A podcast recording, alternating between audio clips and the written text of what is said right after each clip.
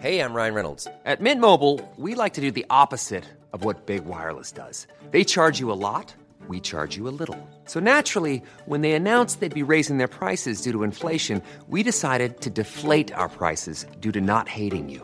That's right. We're cutting the price of Mint Unlimited from $30 a month to just $15 a month. Give it a try at mintmobile.com slash switch. $45 upfront for three months plus taxes and fees. Promo rate for new customers for limited time. Unlimited more than 40 gigabytes per month. Slows. Full terms at mintmobile.com. Ever catch yourself eating the same flavorless dinner three days in a row? Dreaming of something better? Well, HelloFresh is your guilt-free dream come true, baby. It's me, Kiki Palmer. Let's wake up those taste buds with hot, juicy pecan-crusted chicken or garlic butter shrimp scampi. Mm. Hello Fresh. Stop dreaming of all the delicious possibilities and dig in at HelloFresh.com. Let's get this dinner party started. A lot can happen in the next three years. Like a chatbot may be your new best friend. But what won't change? Needing health insurance. United Healthcare Tri Term Medical Plans are available for these changing times. Underwritten by Golden Rule Insurance Company, they offer budget friendly, flexible coverage for people who are in between jobs or missed open enrollment. The plans last nearly three years in some states, with access to a nationwide network of doctors and hospitals. So, for whatever tomorrow brings, United Healthcare Tri Term Medical Plans may be for you. Learn more at uh1.com. Ja, eh, jag kan bara berätta så här. Vad som har hänt mig. Jo, nu ska ni få höra.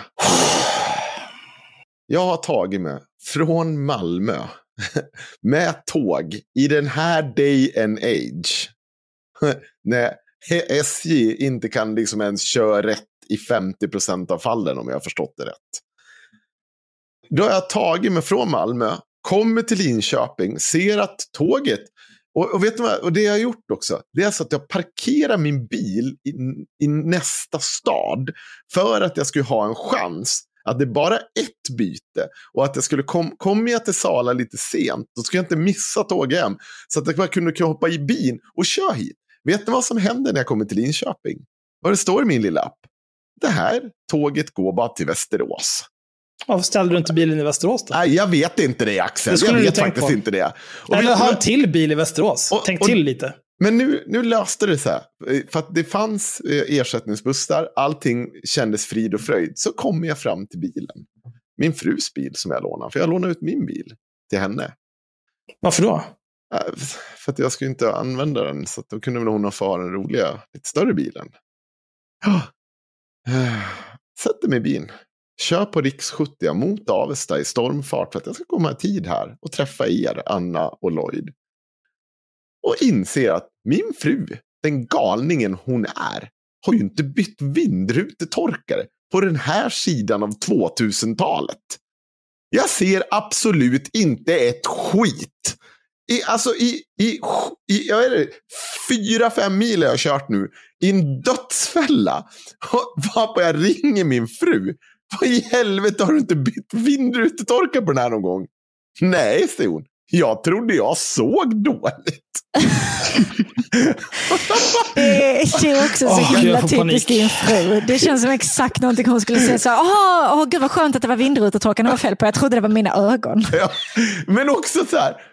Men vad har du inte gjort? Har du inte gått till en optiker då? Om du har sett så här dåligt. Som jag ju såg under de här döds milen jag har tagit mig hem. Jag körde förbi en långtradare. Jag grät nästan när jag gjorde detta. Och så kom det kan jag... du inte göra om du inte ser någonting. Du kommer inte se mer om du ska sitta och grina också.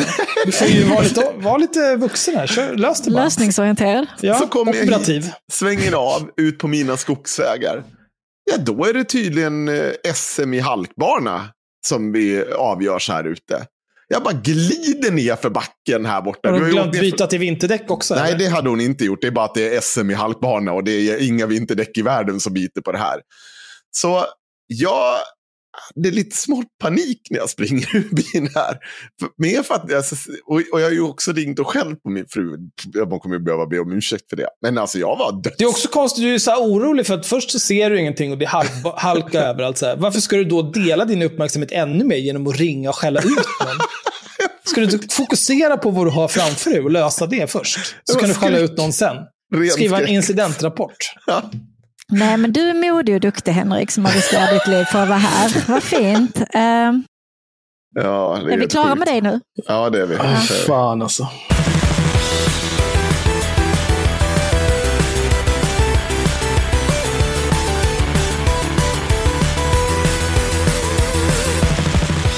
Åh, gud. Vilken ångest.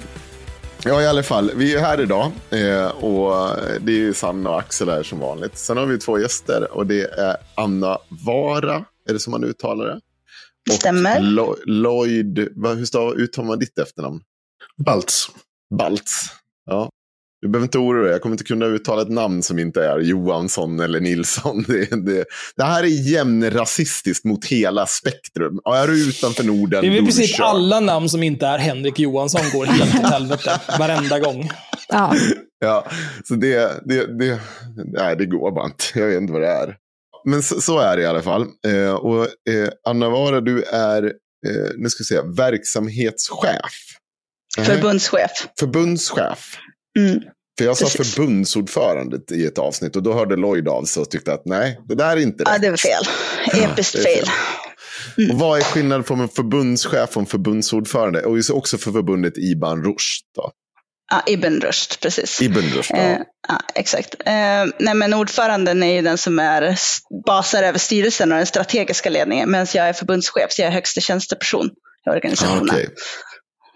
Det är väl Mm. att en ordförande väljs för fram medan en chef utses. Exakt, demokratiskt vald av stämman. Precis, medan jag är en tjänsteperson som är anställd. Och Lloyd, du är inte representant för Ibn, Ibn, Ibn, Ibn Rushd. Ibn Rushd. Eh, nej, det är jag inte. Eh, ja, i, i det här sammanhanget kan jag väl ändå, utan att eh, dra till med allt för mycket, säga att jag är expert på studieförbund och eh, deras verksamhet. Och eh, det här kommer jag då utav att jag har eh, pysslat med att analysera studieförbund och studieförbundens verksamhet sedan eh, 2016. Fyra och ett halvt år på Folkbildningsrådet som uppföljningsanläggare och då ansvarig för den ja, löpande tillsynen helt enkelt utav hur statsbidragen används. Och sen eh, 2020 så arbetar jag på ett annat studieförbund som heter Vuxenskolan och eh, ja, rattar deras kvalitetsarbete kan man väl helt enkelt säga med uppföljning, återrapportering och allt vad det innebär. Eh, jag representerar dock endast mig själv här och ingen annan eller inget annat. Nej. Och anledningen att vi har bjudit med dig, det var ju precis som sagt att du rättade mig en del eh, när vi gjorde det här eh, eh lilla reportaget om eh, vad TV4s granskning. Eh, och, mm, men framförallt också för att du faktiskt har varit med och suttit på andra sidan i en granskning av eh, studieförbundet Ibn Rushd. Så att det finns ju alla anledningar. För bland annat så har ju du suttit på den sidan under den perioden som jag har varit kritisk mot den verksamheten. Och då är det väldigt, väldigt intressant. Nu har ju inte du granskat Anna, eller hur? Visst är det så? Nej, Nej.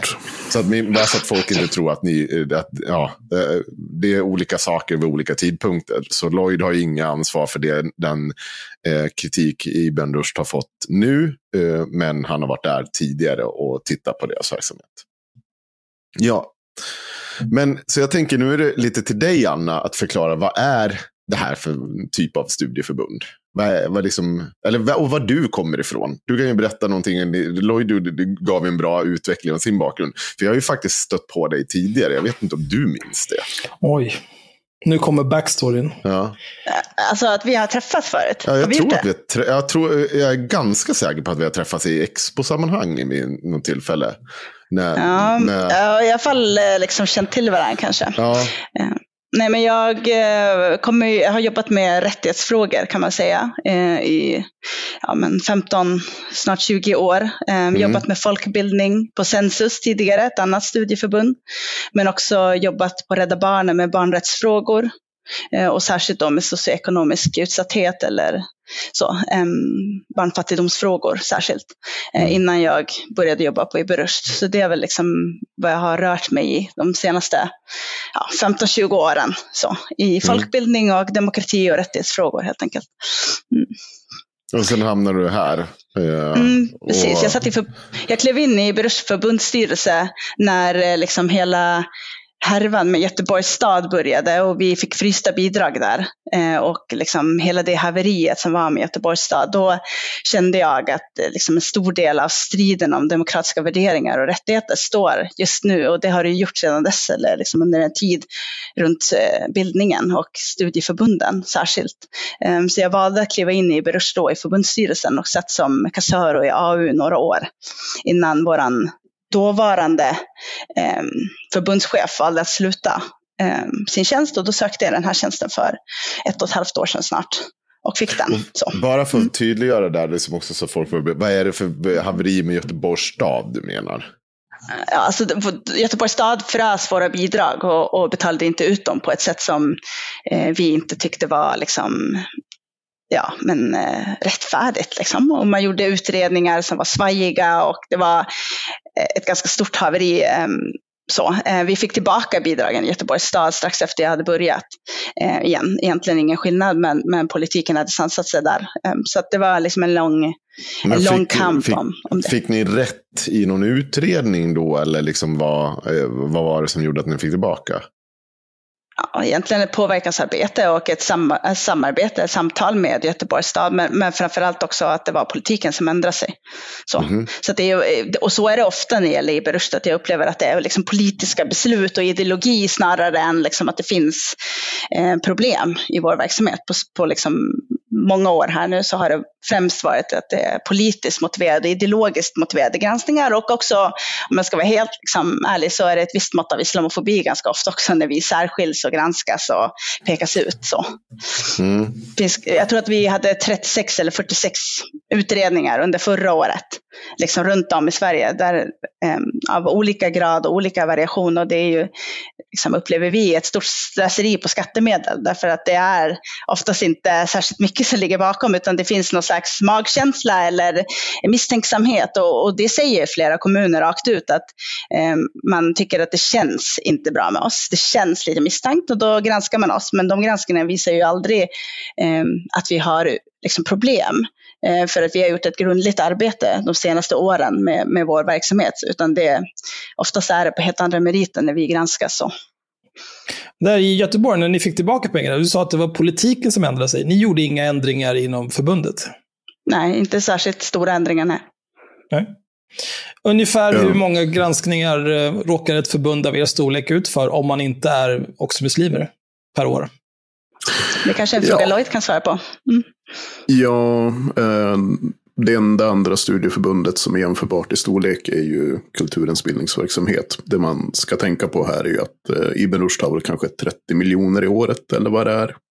Ja, nej, inte ens det. 24, 23, 24. Ja, eh, mm. och, och det här kan man då jämföra med de 305, cirkus 300 20-330 miljoner som ABF har. Så det är ju otroliga skillnader i storlekarna på organisationerna. Men ett vanligt studieförbund, alltså det är väl typ 5-6 ett dåligt år.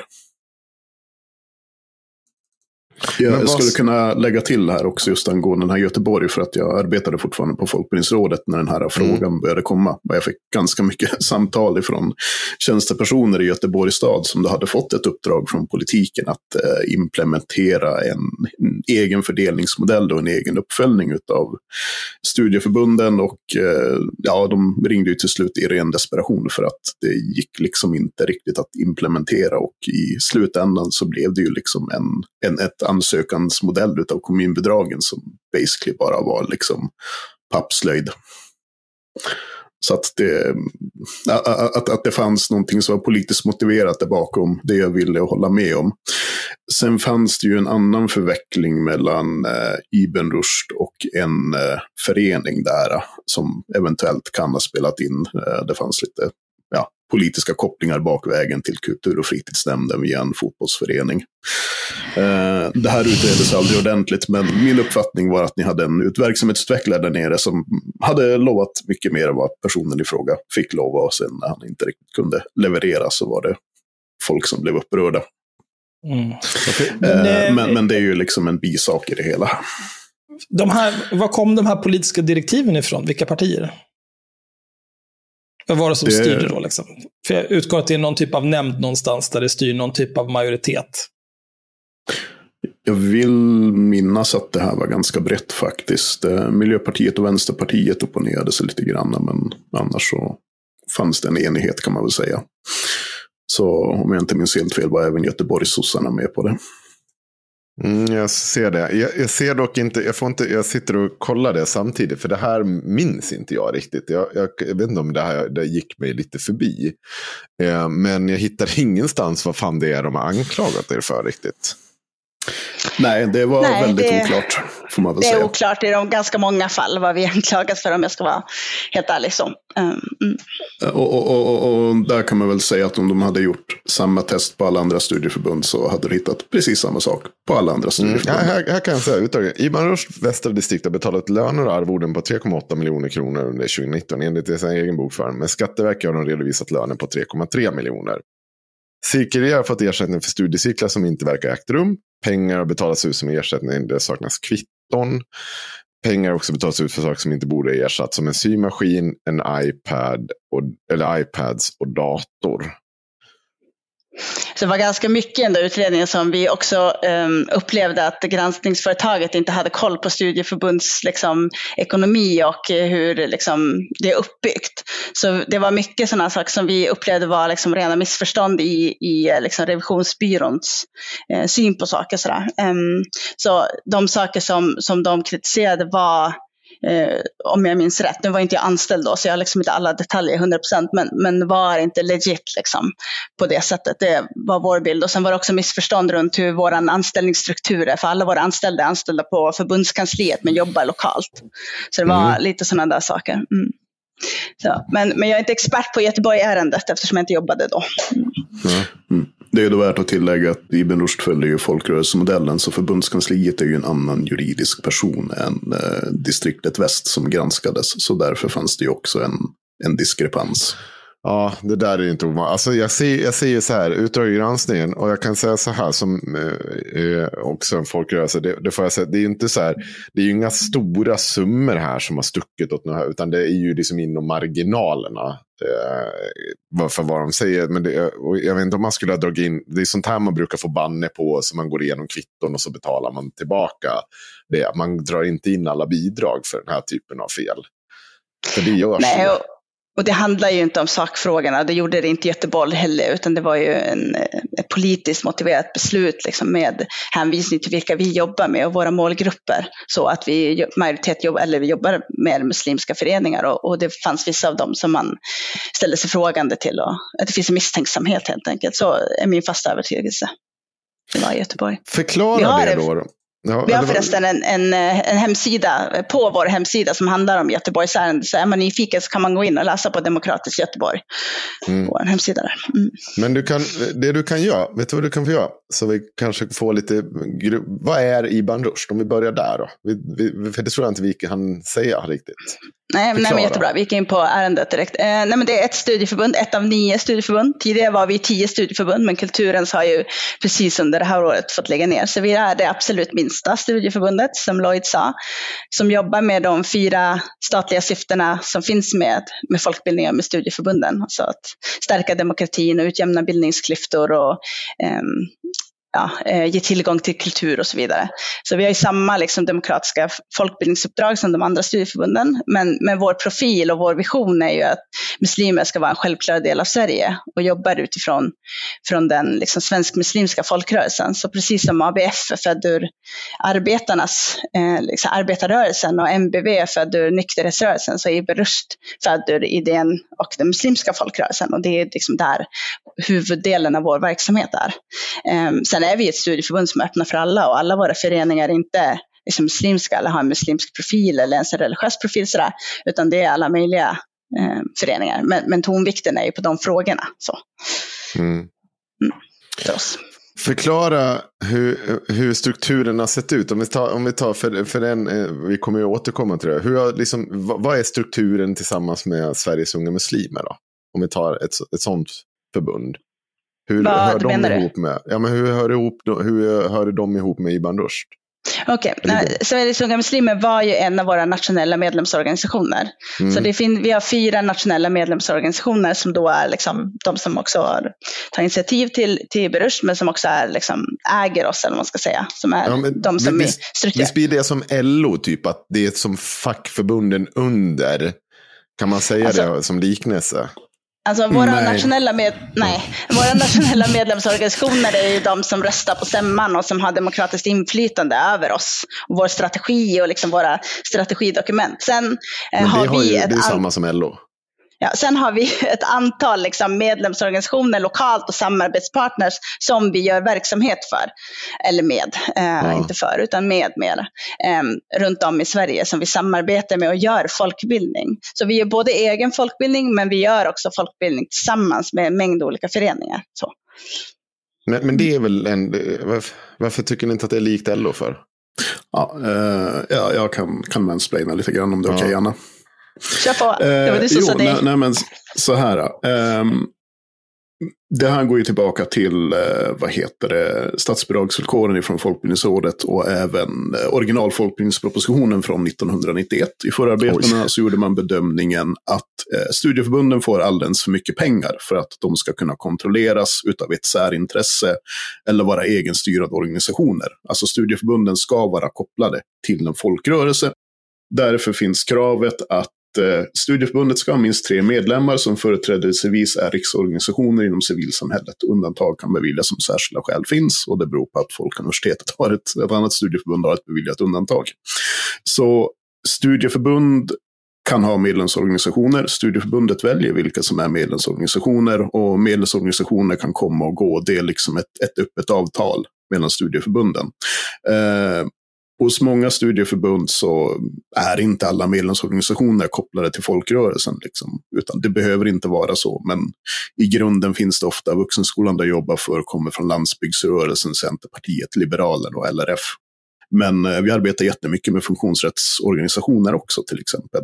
En medlemsorganisation är då en organisation som har ett demokratiskt mandat i studieförbundet genom att man får rösta på stämman. Hos vissa studieförbund har de en symbolisk röst, hos andra studieförbund har de alla röster. Det är också tradition att de som är förtroendevalda i studieförbunden eh, till hög eller total del kommer från samma folkrörelse också. Så det är så inflytandet fungerar. Men det är ingen som äger ett studieförbund på det sättet. Och de här organisationerna kan bytas ut. Så det är liksom inte en, en helhet på samma sätt som fackföreningsrörelsen är. Mm. Jag vet inte om jag håller med dig.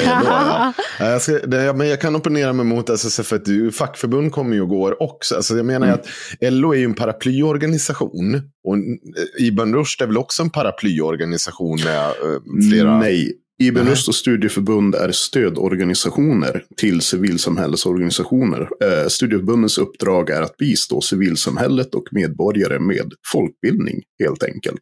Vi, vi ska vara en, en, stödorganisation för utbildningsaktiviteter till civilsamhället.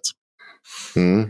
Så vi, vi, är inte, ett studieförbund är inte en organisation som samlar en rörelse. Studieförbund är ett stöd i en folkrörelse. ABF samlar inte arbetarrörelsen. ABF är en viktig stödfunktion i arbetarrörelsen, till sossarna, till fackföreningsrörelsen och så okay. vidare. Ja, okej, okay, men okej, okay. men ja, ja, men, ja. Det, ja, ja.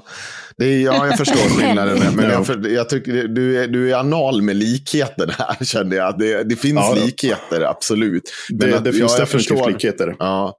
Men, men, så här, Ibn Rushd är inte ansvarig för SUMs agerande. Ibn Rushd är ansvarig men för att säkerställa att SUM beter sig på ett sätt Precis. som är värdigt att vara medlemmar i Ibn Rushd. Och om SUM inte gör det, då åker SUM ut. Ja, men så, så skulle LO kunna resonera också, tror jag. Eh, de, är ju bara, de har ju bara en beslutande punkt mot alla fackförbund och det är ju gränsdragningen mellan dem. Så det är ju också, men skitsamma, det, det kanske är en dålig liknelse. Då får väl de skriva i det kommentarsfältet till mig. Det är väl, sitter väl Herregud alltså. alltså jag, jag känner verkligen så här, vet att det är två experter här och Henrik bara första 20 minuterna hänger upp sig. Bara, men det, det är visst som LO och sen så kan vi inte gå vidare därifrån. Ja. Nej, absolut. Ja, jag sa just att jag skulle gå vidare. Ja, ja. det här är ja, alla tagit klivet ut i privat sektor, det ja. hör jag. Ja. I alla fall. Eh, Okej, okay, så, så att det här, SUM var en medlemsorganisation. Eh, mm, och, en nationell medlemsorganisation ja. hos oss. Mm. Ja, men då finns det ju ändå så tydliga kopplingar och, och någon typ av eh, ja, men så säga, ett ansvar däremellan. Kan man säga. Om de inte beter sig sa ju Lloyd att man skulle slänga ut dem. Eller? Neutral fråga, Henrik. Vi har ju ett ansvar för att vår verksamhet ska liksom följa kvalitet och riktlinjer och liksom ja. demokratiska värderingar. Det, det är ansvar vi har. Men eh, SUM har ju um, var ju en av våra eh, medlemsorganisationer men har ju varit, liksom inte varit eh, hos oss sen innan jag kom in. Så, där. så de har ju, med, med tanke på att det, det som hände dem, eller det som drabbade dem. Så. Ja, men, men där, där, kan vi, där kan vi återkomma till. Men okej, okay, så att eh, ni är ett stöd till olika typer av uh, folkbildnings... Mm. Uh, ja, civilsamhällesaktörer som, folk, som sysslar med folkbildning. Vilka är de ja. andra idag som finns? Eller vilka som är, som är hos oss? Ja. Uh, Islamic Relief, Islamiska förbundet, FIFS, Förenade Islamiska Församlingar i Sverige och EKF, Eritreansk kulturforum. Ja, Okej. Okay. Och vad är en typisk verksamhet som ni sysslar med, om, om jag uttrycker mig så? Då? Ehm, vi har en bredd av verksamheter skulle jag säga, men majoriteten av våra verksamheter rör sig i området livsåskådningsfrågor. Ehm, så liksom en väldigt typisk eh, verksamhet är ju koranstudier till exempel, eller studier av religion på olika sätt, eller eh, saker som är kopplade till religion. Det är en, en eh, ganska typisk verksamhet hos oss. Men vi har ju också ehm, Kvinnornas bildningshus, som är ett bildningshus i Järva i Tensta för kvinnor. Och det är ju cirklar från allt från ekonomi till, eh, liksom, alltså, det är så många cirklar så det är svårt att nämna, men ekonomi till att vi är medarrangör på mänskliga rättighetsdagarna och anordnar seminarier och liksom, eh, saker som handlar om mänskliga rättigheter, eh, fokus på det. Så, så vår verksamhet är ju liksom en bredd av olika liksom, folkbildnings ja, cirklar och kulturarrangemang och annan verksamhet. Så. Mm. Spännande. Är det något mer du tycker liksom förtydliga kring den verksamheten? Alltså, så här, alltså som det man, som du tycker liksom, ja men som ni gör. Är det något mer som jag missar här? För jag vet ju vad ett folkbildnings, alltså så här, vad, vad det är, men det, ja. det gör ju också jävligt många lyssnare. Ja, som och, inte vet vad folkbildning är. Nej, och plus att den folkbildning jag har varit inblandad i kanske inte alltid har sett likadant som den som eh, Ibn Rushd sysslar med. Så jag Nej, kanske precis. inte heller är, liksom, har koll på det. Ja, men, eh, folkbildningen, här tänker jag, eh, Lloyd får hoppa in också som är liksom experten också och eh, nördar ner sig i frågorna. Men folkbildning handlar ju om människors möjlighet att bilda sig fritt och frivilligt. Alltså att, att få själva bestämma vad man ska samtala om eller lära sig om i grupp med andra och att samtalet eh, gemensamt i grupp är viktigt för den egna bildningsresan framåt.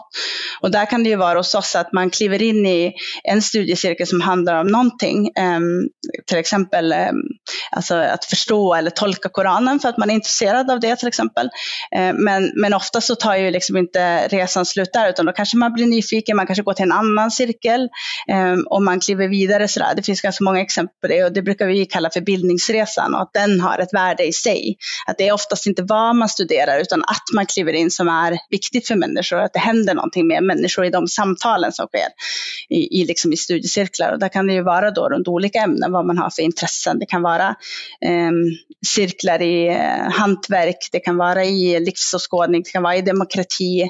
Eh, ganska ofta så eh, har våra föreningar ett fokus på integration eller liksom, eh, jag satt och gick igenom ehm, eh, lokal verksamhet i ett annat ärende och då var det jättemycket cirklar som handlade om liksom svensk demokratis historia, om hur riksdag och regering är uppbyggt och, och, och många cirklar liksom inom demokratiområdet hos oss handlar liksom om det också. Eller om eh, liksom hur man hanterar känslorna efter koranbränningarna Eh, som har varit. Så det är också väldigt nutida ämnen. Så det, det är väldigt olika vad föreningen gör eh, och vad de tycker är viktigt. En del föreningar har ju fokus på föräldraskap. Hur hanterar man föräldraskap i dagens samhälle? Ehm, och så vidare. Så att, vi har ett studiematerial som heter Du, ditt barn och ditt lärande som handlar just om föräldraskap och den är också väldigt populär hos oss. Så det finns liksom en bredd av studier som man kan förkovra sig i på sin fritid eh, tillsammans med andra och lära sig om ett valfritt ämne. Så. Eh, det som poppar ut här är ju det som jag har. Det, det är två saker. Det första jag tänker på. Varför ska vi betala? Varför ska svenska skattebetalare? Och det här gäller ju även liksom, eh, Bra Henrik, säg ifrån. kristna eh, liksom, liksom studieförbund. Varför ska vi med skattebetalare gå in och, eh, liksom, eh, för att folk vill förkovra sig liksom, i religion? Är inte det bara att gå då till en moské eller till kyrkan? Lloyd, ser ut som du vill eh, börja. Jag ska inte köra. Ja, Mm, varsågod, nej, man kan ju säga till att börja med, det finns ju en tydlig gränsdragning här. Att eh, du får inget statsbidrag för trosutövande inom ramen för ett studieförbundsverksamhet. Utan eh, koranstudier, bibelstudier, alltså det, det teoretiska lärandet. Kan någonting eh, studeras som ett fenomen, liksom, eh, så går det hem. Liksom, så länge ja, man, man inte är en fascist, liksom, kan man väl säga. Eh, jag, jag brukar beskriva inte- folkbildningen.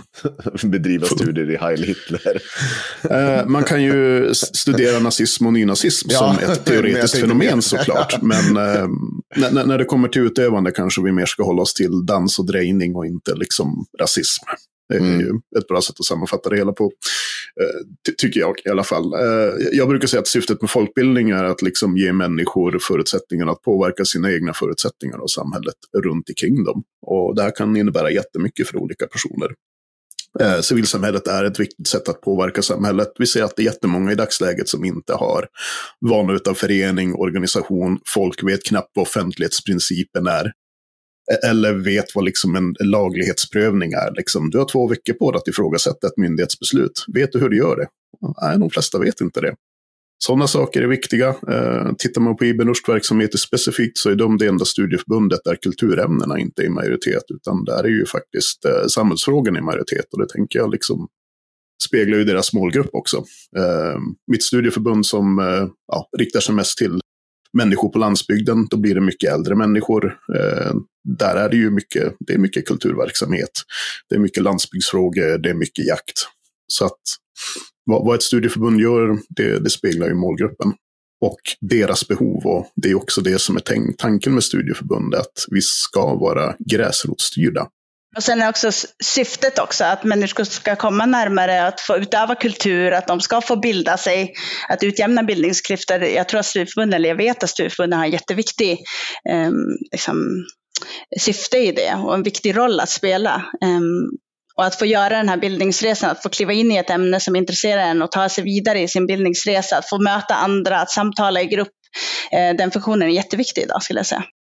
Jag gillar verkligen tanken på, på bildningsresan, alltså lärandet för lärandets skull. Det säger jag ofta till, till mina barn eller till folk i min omgivning, att det är det viktigaste man kan göra, bara lära sig. Och jag tycker inte det spelar så stor roll vad. Yes, Läsa, lära. Jag, säger, jag sa det på riktigt till mina barn senast idag. Att det är skitsamma så länge du lär dig. Varför säger du att det är överklassfason, Axel? Det är ju inte direkt överklass. Lära för lärandets skull. Vad i Nej, nej, men det spelar ingen roll. Det behöver liksom inte vara så här akademiskt någonting, någonting. Vad fan vill du lära dig att göra en ny grej? Om det är liksom, jag vet inte, dreja eller dansa, jag bryr mig inte. Du, du blir, jag tror på att du blir bättre som människa om du lär dig mer grejer. Sen spelar det ingen roll vad det är, för min del. Nej. Alltså jag kan säga, jag eh, säger nej till alla typer av studieförbund. Eh, Det var ett beslut jag fattade nu faktiskt. Men det är fan framförallt för... Eh, det, det har mycket med att göra, som många av mina andra ställningstaganden, så har det att göra med att vi lever i innevarande år. Eh, jag har full förståelse för att studieförbunden har haft en enorm eh, roll att spela, framförallt inom arbetarrörelsen, där folk liksom ränner runt och är litterata, jobbar 12 timmar om dagen, sex dagar i veckan. Då kan det säkert vara bra att få lite glädje och kunskap i livet. Men innevarande år, när jag sitter här med världens samlade kunskap i min hand, eh, och jag när som helst kan hitta en Discord-server, en Reddit-tråd eller vad som helst och diskutera med folk som är intresserade av samma ämne. Och garanterat kommer hitta folk som vet mycket, mycket mer och har mycket mer att bidra med än andra människor i en studiecirkel. Så kan jag känna att nu är det dags att trappa ner det där. Men, Jag tycker- eh, men ett annat viktigt syfte med liksom, folkbildningen och med studieförbunden är också det demokratifrämjande arbetet. Alltså, demok- eller studieförbunden har ju varit med och byggt svensk demokrati. Så jag tycker att det finns en väldigt viktig funktion där i att jobba demokratifrämjande också. Det har ju alla studieförbund. Ehm, för det sker inte av sig själv, tänker jag. Och särskilt inte idag när samhället, enligt många rättighetsorganisationer, ehm, går mot ett mer auktoritärt och mer liksom, demokratiutmanande uh, synsätt och styre så tror jag att studieförbunden har en avgörande roll. Ehm, och jag tänker att om inte studieförbunden jobbar med de frågorna, vem, vem jobbar med det uppdraget då? Allt så, i samhället skulle jag säga. Men eh, hur ser eh, demokratifrämjande arbete inom ramen för ett studieförbund, hur kan det se ut? Det är allt ifrån, liksom, ah, Lloyd, du såg ut som du ville prata, jag pratar på här. Ja, eh, ett, ett, ett, exempel jag kan ta är ju en eh, en kurs som Studieförbundet Vuxenskolan hade i samband med eh, senaste riksdagsvalet som heter Mitt val. Det handlade hur får man människor med olika intellektuella eh, funktionsnedsättningar att gå och rösta och förstå vad de faktiskt röstade på. Så vi anordnade en massa träffar och studiecirklar över hela landet med speciella program. Eh, för att ja, men uppmuntra dem att faktiskt delta i den demokratiska processen och fatta informerade beslut. För att det är ingen som hjälper dem att förstå de här sakerna och de behöver den hjälpen. Det är ett exempel. Och jag tycker att du tog upp en väldigt intressant sak där Axel faktiskt. För exemplet du tog med mobilen, det är jättebra. Och är man eh, hyfsat välmående och hyfsat välbildad eller välutbildad medelklass så absolut, du, du, du har helt rätt i det du säger. Liksom, möjligheten att söka information finns där, men hela samhället ser inte ut så. Eh, och därför är det ju också så att studieförbunden vi liksom prioriterar ju aktivt de människor som står längst bort ifrån samhället, som har ett behov av att integreras i samhället på olika sätt. Och, och det kan vara allt ifrån att du är invandrare till att du har liksom trampat eh, för långt ner i Heil Hitler-hålet. Alltså jag har en kommentar där. Det är, jag skulle säga, det är, jag skulle säga att det är nästan oändligt mycket troligare att en person som bor i Sverige har en smartphone än att de är engagerade i ett studieförbund. Eh, och jag tror inte att det är en klassfråga heller. Jag, jag googlade lite snabbt här. Smartphone. Comvik säljer en Samsung Galaxy A14 med 4G, 64 GB minne. Den kostar hela 195 kronor i månaden i 24 månaden. Eh, och det är abonnemanget. Mobilen får man på köpet. Det är liksom ja. inga kost, det är, det, är ingen, det är ingen barriär till att ha en smartphone i ett land som Sverige. Nej, nej, nej, och det var inte det jag menade heller. Det handlar inte om att ha en smartphone. Det handlar om att du har all världens kunskap vid dina fingertoppar. Vet du hur fan du ska använda den på ett bra sätt? Och kan du skilja på random skit som någon influencer häver ur sig och eh, faktiskt liksom akademisk kunskap som är belagd i forskning. Ja, För det här är ju men... den verkligt stora samhällsutmaningen. Liksom, när, när, information finns överallt så är inte frågan om att tillgå informationen. Frågan är ju hur hanterar vi den här? Vilken information är korrekt?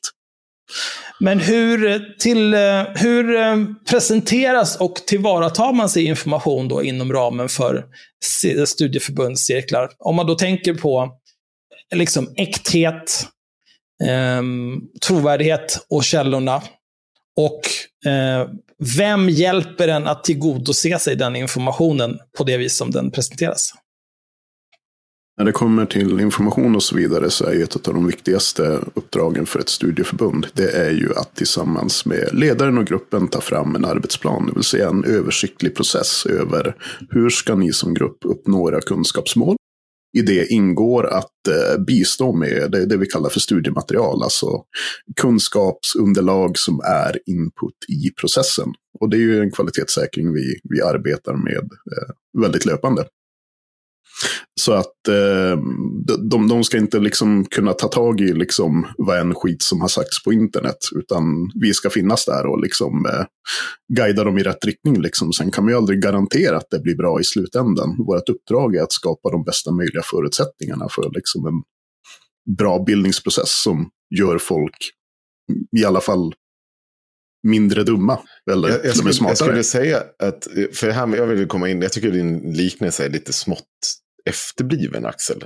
Alltså det är så här, fan, studieförbund har väl levt i en värld där den här typen av information mer eller mindre har funnits att tillgå i över år, även om det inte har funnits via en, en mobil, eh, så har vi funnits och vi har liksom haft väl utvecklat 20 på sin höjd kan jag gå med på. Nej, men eh, hörde du vad jag sa? Du måste lyssna klart. Jag sa inte bara via mobil. Jag sa via att vi har haft välutvecklade bibliotek. Vi har haft liksom, eh, en liksom så här men det är en mycket högre barriär. Sverige, där vi har haft eh, en välutvecklad skola eh, och så vidare. Alltså det, det har ju funnits, vi vart ju, samhället vart ju inte smartare i samma sekund som alla fick en smartphone. Jag har aldrig Det sagt finns att ju- folk blev Nej. smartare. Tvärtom. Folk Nej. har blivit så otroligt mycket mer dummare. Ja, Men skillnaden då- är så här. Du, du nämnde bibliotek till exempel. Det är ingen som går runt eh, och typ bor i ett bibliotek.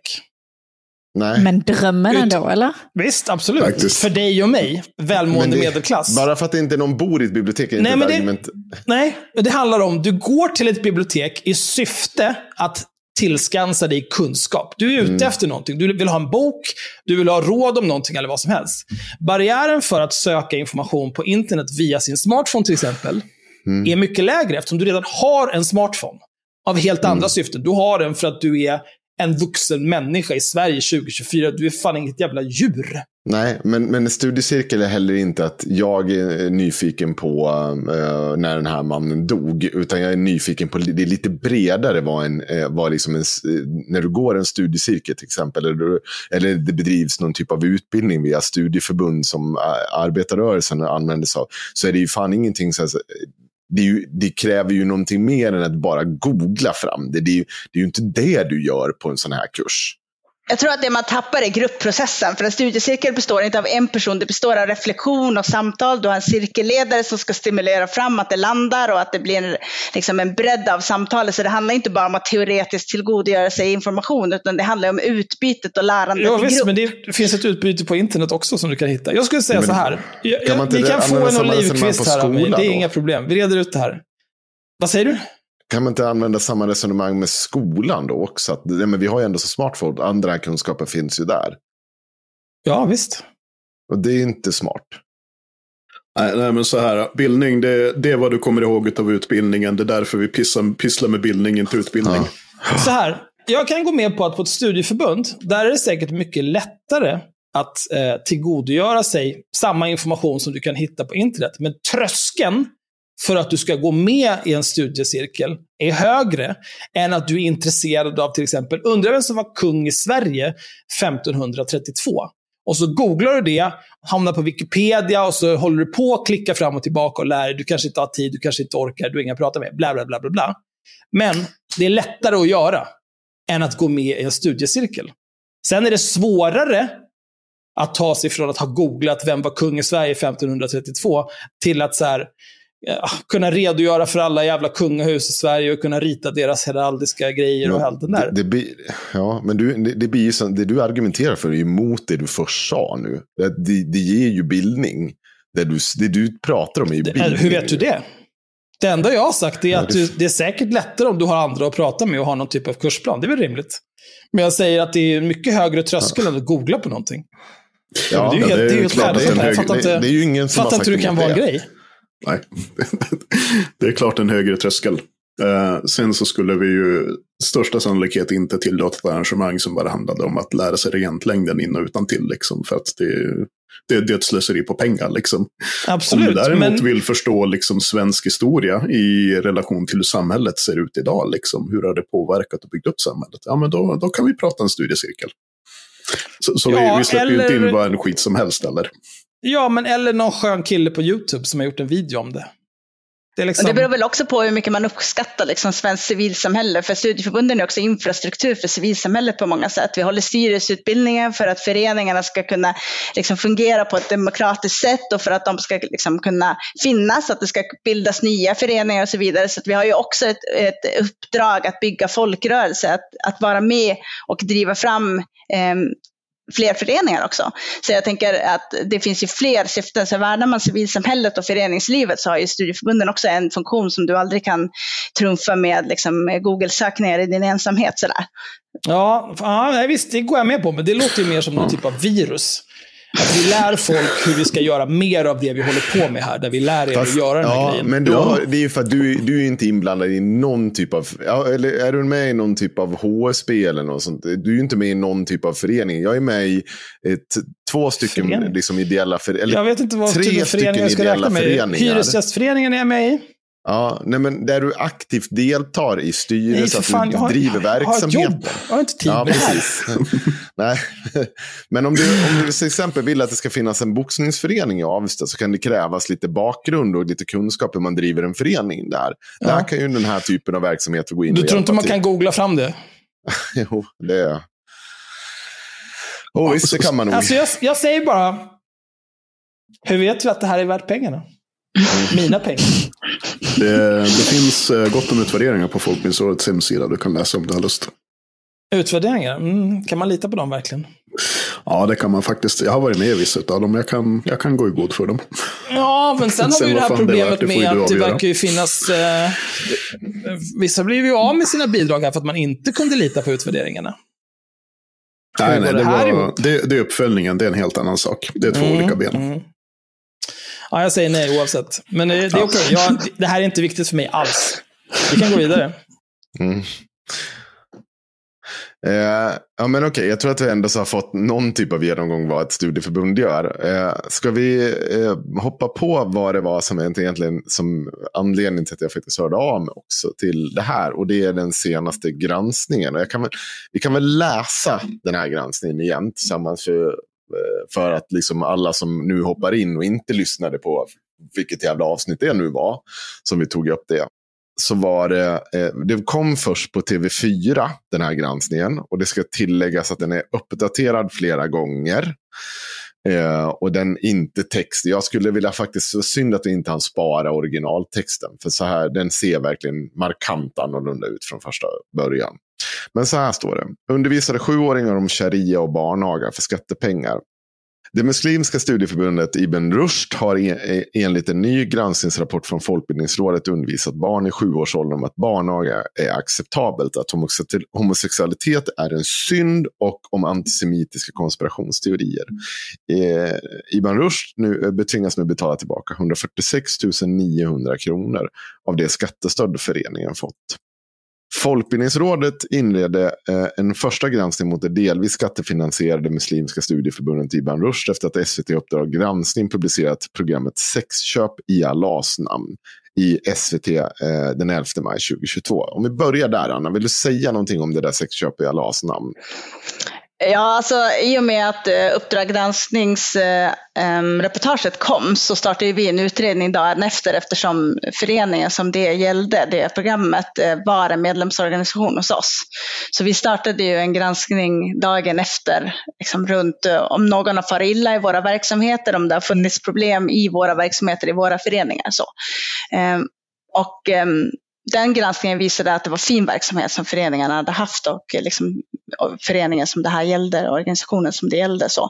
Men, men vi avslutade samarbetet med den organisationen på grund av att vi inte liksom, kom framåt och vårt samar- vår relation eller samarbete eh, inte liksom, höll framåt. Så. så då valde Ibn Rushd att utesluta dem som nationell medlemsorganisation.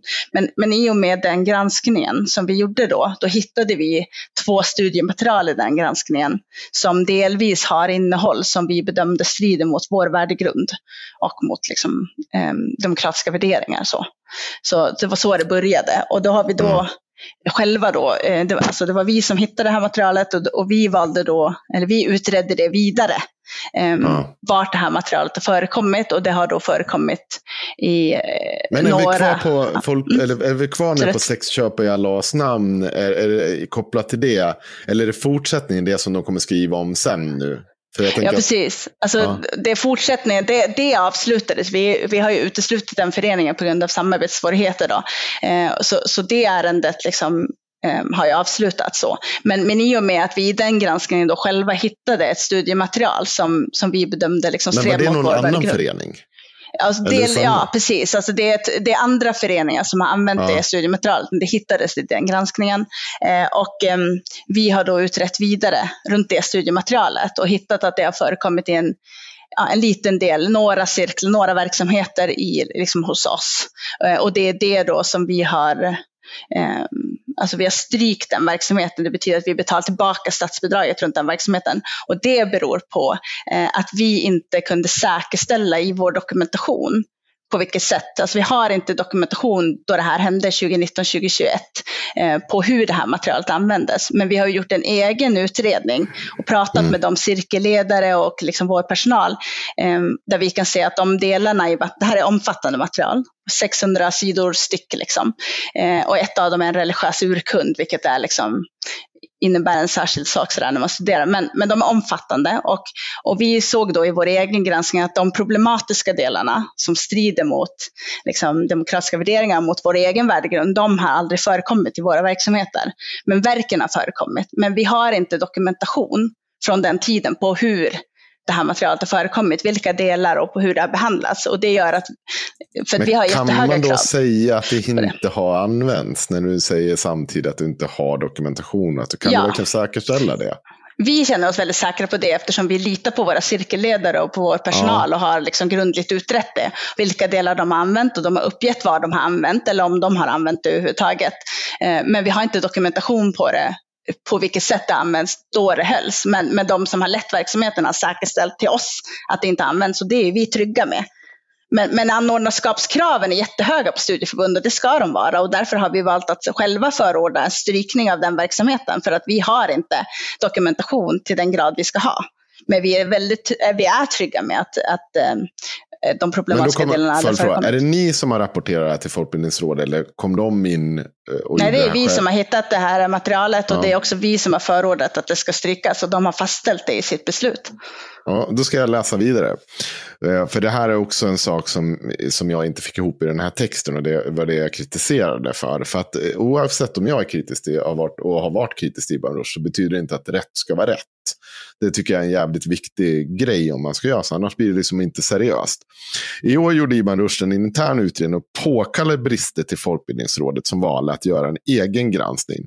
Man upptäckte då två texter som används i olika typer av studiegrupper, bland annat för unga barn. Enligt granskningen har Ibn Rushd använt sig av publikationen The Upbringing, uh, uh, The Upbringing of Children in Islam som handlar om uh, barnuppfostran och där det finns texter som behandlar vid vilken ålder som barnaga är acceptabel.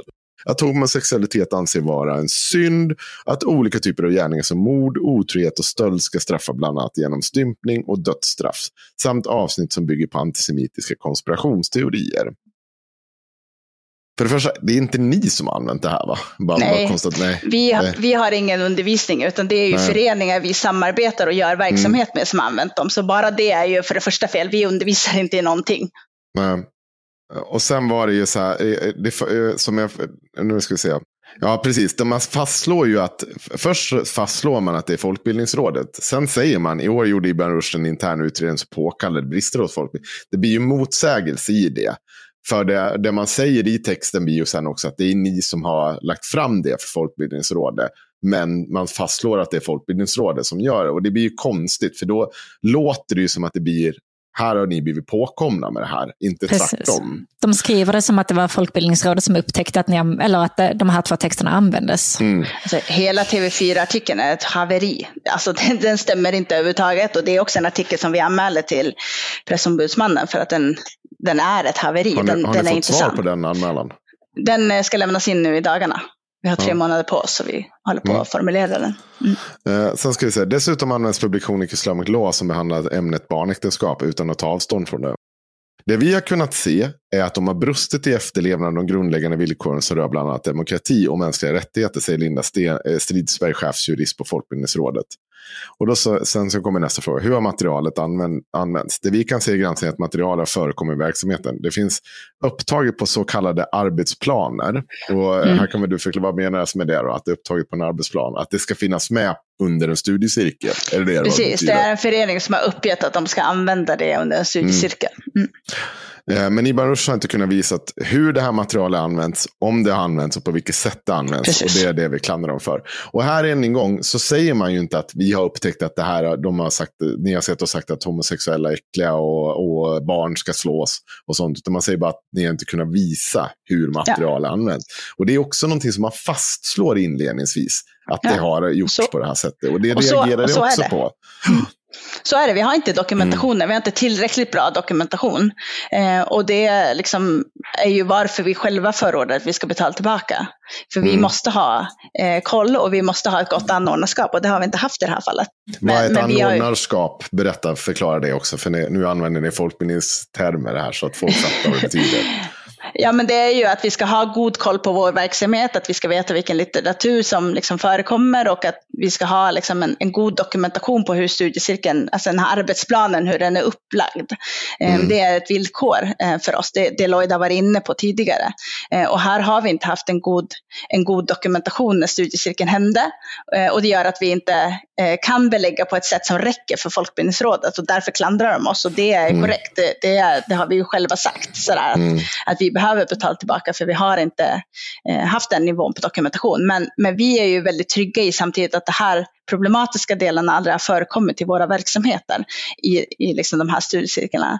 Eh, och det är ju för att vi är trygga med de studiecirkelledare vi har pratat Ja, med. men och, och med hur hur menar de att det här har använts då?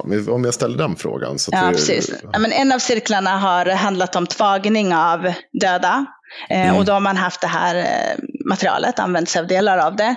Eh, cirkeln som har varit riktad till barn, där det har handlat om barnuppfostran, eh, den har liksom behandlat olika liksom, frågor för, för barn och liksom hur det är att vara i en familj och så vidare. Eh, men den har inte använt eller undervisat barnen i någon av de problematiska delarna, utan man har använt det helt enkelt problemat- andra Det delar. vill säga att man, eh, man får slå barn. Ja, absolut. För att vara Precis. Det, tydlig det, har med ju, det det har aldrig förekommit i de cirklarna. Det, skulle inte, alltså det är ju ingenting som vi någonsin skulle liksom tycka var okej heller. Ehm, och det säger ju cirkulärt att har man aldrig använt det materialet. Ehm, sen är det också så att ehm, eh, ett av de här materialen är ehm, skrivet av en shiitisk, om man är liksom nördar ner sig i religion, så är det skrivet av en shiitisk eh, teolog. Eh, och materialet används av en sunnitisk grupp. Och det är också i jämförande syfte, i det här studerande syftet, att se hur ser shiiter på de här frågorna. Så att det har använts på de sätten. Men, men de problematiska delarna har enligt då cirkelledarna och våra anställda aldrig förekommit, utan man har använt andra delar. Så, så det är vissa delar av materialen som har de här problematiska delarna. Utan det är stora varför- Selling a little or a lot? Shopify helps you do your thing however you cha-ching. Shopify is the global commerce platform that helps you sell at every stage of your business. From the launch your online shop stage to the first real life store stage, all the way to the did we just hit a million orders stage. Shopify is there to help you grow. Shopify helps you turn browsers into buyers with the internet's best converting checkout. 36% better on average compared to other leading commerce platforms because businesses that grow grow with Shopify. Get a $1 per month trial period at shopify.com/work. shopify.com/work. Ever catch yourself eating the same flavorless dinner three days in a row? Dreaming of something better? Well, HelloFresh is your guilt-free dream come true, baby. It's me, Gigi Palmer. Let's wake up those taste buds with hot, juicy pecan-crusted chicken or garlic butter shrimp scampi. Mm. Hello Fresh. Stop dreaming of all the delicious possibilities and dig in at HelloFresh.com. Let's get this dinner party started.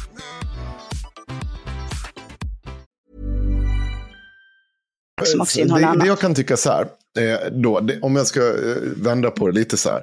Om vi har, för, för ändå så säger du, det du pratar om nu, det är att här finns det ett material där det finns ett intresse av att titta på, liksom, eh, ja, men det kan vara barnuppfostran eller ja, vad- de här sakerna. Och så står också de här andra sjuka sakerna där i. Vad fan har det här materialet egentligen då för värde? Du Alltså, menar att eh, vad- för att det- innehåller problematiska delar så liksom Problemat, det, hela... det, det, det, innehåller saker som inte är förenliga med demokrati och Mm. svenska värderingar, om jag ska Mm. uttrycka mig så. Eller det, eller det jag ser som svenska värderingar i form av att jag är en liksom liberal person som står för alla människors lika rätt och, och framförallt att ja, barn inte ska slåss eller att homosexuella ska liksom ha samma rättigheter som alla andra. Varför har man det här materialet? Om det, för du säger, jag kan förstå det att man har, har det i jämförelsesyfte. Det kan Mm, vara mm. Eh, såklart intressant att det finns eh, religiösa grejer som man kan diskutera i olika sammanhang. Men när det kommer så här, här har vi familjedelen och sen bara hoppar vi över den här delen där det säger att man får spöa barn, Mm. för att vara lite krasst uttryckt. Varför är det materialet mm. relevant? Det låter inte som personer som har skrivit det är särskilt eh, relevant i barnuppfostrans frågor. Så att Nej. Säga. Och det är ju korrekt tänker jag också. Vi ska inte använda material som är problematiskt utan att, eh, alltså så här, jag tror att det är väldigt viktigt att fastslå det Lloyd pratade om i början, allt material ska kunna studeras. Mm. Um, alltså, ingen är ute efter, och det är också inte heller Folkbildningsrådet, efter att förbjuda böcker. Alltså alla böcker måste kunna studeras, men, men det behöver finnas folkbildningens principer, behöver följas, det behöver finnas liksom, demokratiska värderingar, ska reflekteras i cirkeln. Mm. Uh, och liksom, man kan inte undervisa i det på ett okritiskt sätt om det innehåller problematiska delar spelar. Eh, det är jätteviktigt och det behöver också, i det här fallet när det rör barn, så behöver det också vara målgruppsanpassat. Därför att barn kan man inte ut, utgå ifrån har ett kritiskt perspektiv, för de är barn. Mm. Så behöver vara målgruppsanpassat. Sådär. Så, så det är ju någonting som vi nu har en åtgärdsplan för att titta på. Hur, vilka studiematerial, hur målgruppsanpassas det? Hur förbättrar vi studiecirkelledarnas liksom, kompetens runt att välja rätt material? Hur har vi det i våra grundutbildningar och hur stärker vi upp den kompetensen? Att det blir rätt material som är rätt till rätt cirkel. Liksom, sådär. Mm. Så det är Men så du menar arbete. att det, ändå, för det finns ett problem att det här har funnits där? Oavsett, alltså liksom, även om man inte använt det? Att det inte finns en tydlighet i arbetsplanen, att det har funnits ett folkbildningskritiskt eller folkbildningsprinciper har följt eller att det har funnits ett kritiskt perspektiv när materialet har använts är ett problem. Så, men de problematiska delarna har aldrig förekommit. Men, men ska de här materialen användas så behöver det vara tydligt specificerat vilka kapitel använder man och på vilket sätt förhåller man sig ifall att man tänker använda delar. Men det här materialet är också flaggat hos oss och har inte kunnat användas sedan 2019. Mm. Jag säger, har du någonting att tillägga där Lloyd? Ja, nej men den, jag, jag, tycker att den här frågan är intressant. Jag har ju kollat på tiotusentals, om inte hundratusentals cirklar genom året. Jag har fan aldrig sett ett studiematerial med 600 sidor. Det, det är, eller visst, okej, okay, i, i, bokcirklar så kan du ha böcker som är längre än, än 600 sidor. Men, men, men bara den grejen. Och eh, här går ju tillbaka till grunden att som studieförbund är man ansvarig för att kvalitetssäkra innehållet i cirkeln. Eh, anordnarskapet som Anna sa tidigare, det är det samlingsbegrepp som studieförbunden eh, fram till 2024 använder för att beskriva den kvalitetssäkring vi måste genomföra. För att arrangemangen ska uppfylla syften och statsbidragsvillkor och allting annat. Så studieförbundet har ju en, vi, vi är ju skyldiga att se till att de studiematerial som används är bra. Vi ska inte liksom liksom söka statsbidrag för cirklar där grupper sitter och liksom eh, lär sig att och, och, och tror att konspirationsteorier är sanning. Nej. Det, det, är liksom det. Så, så att eh, absolut, barnaga kan förekomma i ett studiematerial. Men då handlar det ju om att, okej, okay, barnaga som ett fenomen.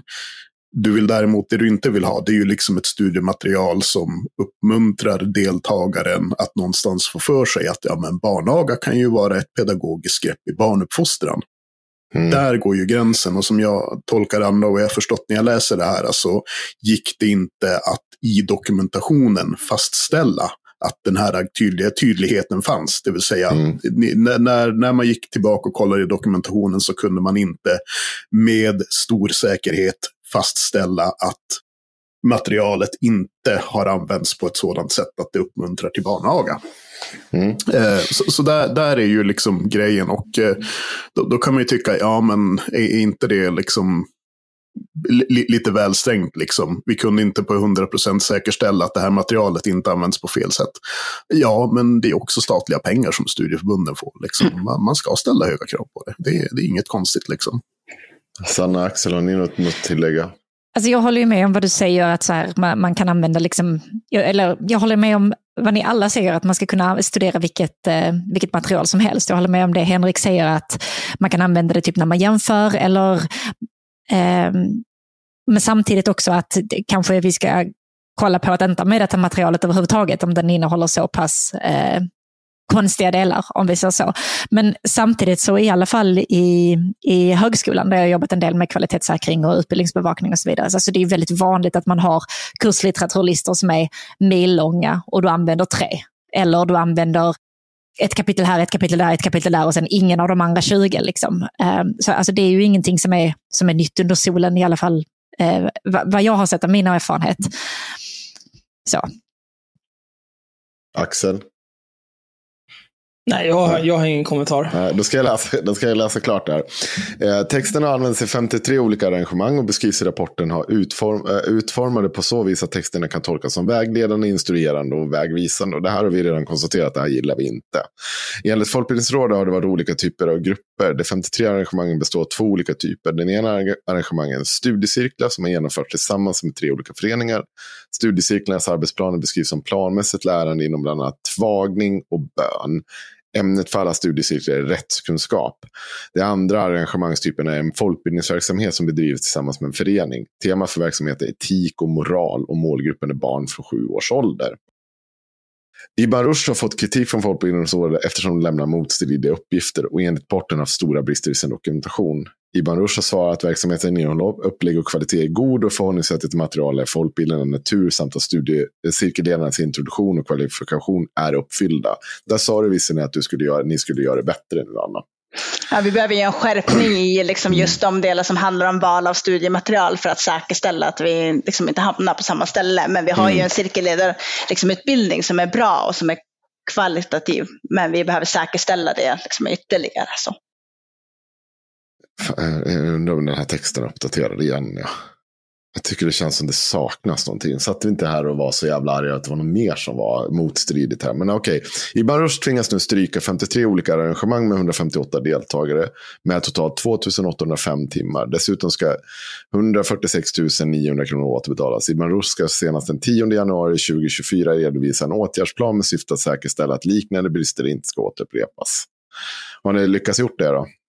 Ja, det är den vi har liksom hållit på att ta fram Mm. med de här åtgärderna som jag beskriver, att vi behöver säkra upp vissa delar ytterligare när det gäller Mm. val av studiematerial bland annat. Mm. Ni har ju svarat på kritiken här också, men det har du ju sagt nu, så det tänker jag inte läsa en gång till. Men jag tänker läsa en sista grej här, för det här kan du få reda ut för, och säga vad du menar här.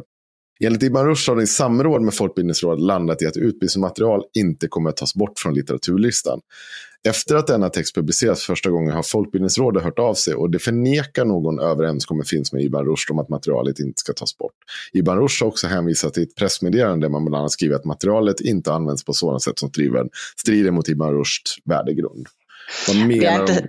Ja, vi har inte sagt det där. Det där är ännu en rättelse som vi har försökt få in till TV4 som Folkbildningsrådet har reagerat på som vi inte har sagt. Lit- Alltså litteraturen har inte förekommit i vår verksamhet sedan vi hittade det här. Det går inte att använda. Nej, okej.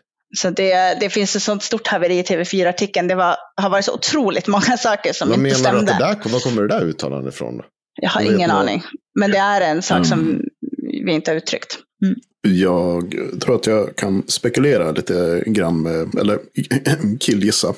I alla fall, nej men så här, eh, studieförbunden har ett gemensamt verksamhetsadministrativt system som heter Gustav. Och eh, i Gustav så laddar man upp och lagrar eh, arbetsmaterial så att de finns dokumenterade för framtiden. Här finns alla material listade också. Sen kan man liksom spärra material i Gustav så att de inte går att använda. Eh, Men det är i regel det här systemet som innehåller listan med materialen. Eh, Och det är klart att man kan ta bort materialet ur det systemet om man känner för det. Men om det är spärrat så att det inte går att använda så är det lugnt. Och här blir det lite fråga om Det här databaskopplingar låter som också. något som skulle kunna vara ett Excel-blad. Eh, ja, al- alltså Gustav är ju basically en accessdatabas med ett grafiskt interface över. Så att det, det är ett Excel-blad, kan man väl säga. Ehm, och, och här blir det också en liten fråga om databaskopplingar. För att om man tar bort eh, vad heter det, materialet ur databasen, då försvinner också referensen till arrangemanget. Eh, om jag inte minns helt fel. Känns som att man kanske skulle kunna, borde kunna det arkivera saker mig. i det här systemet.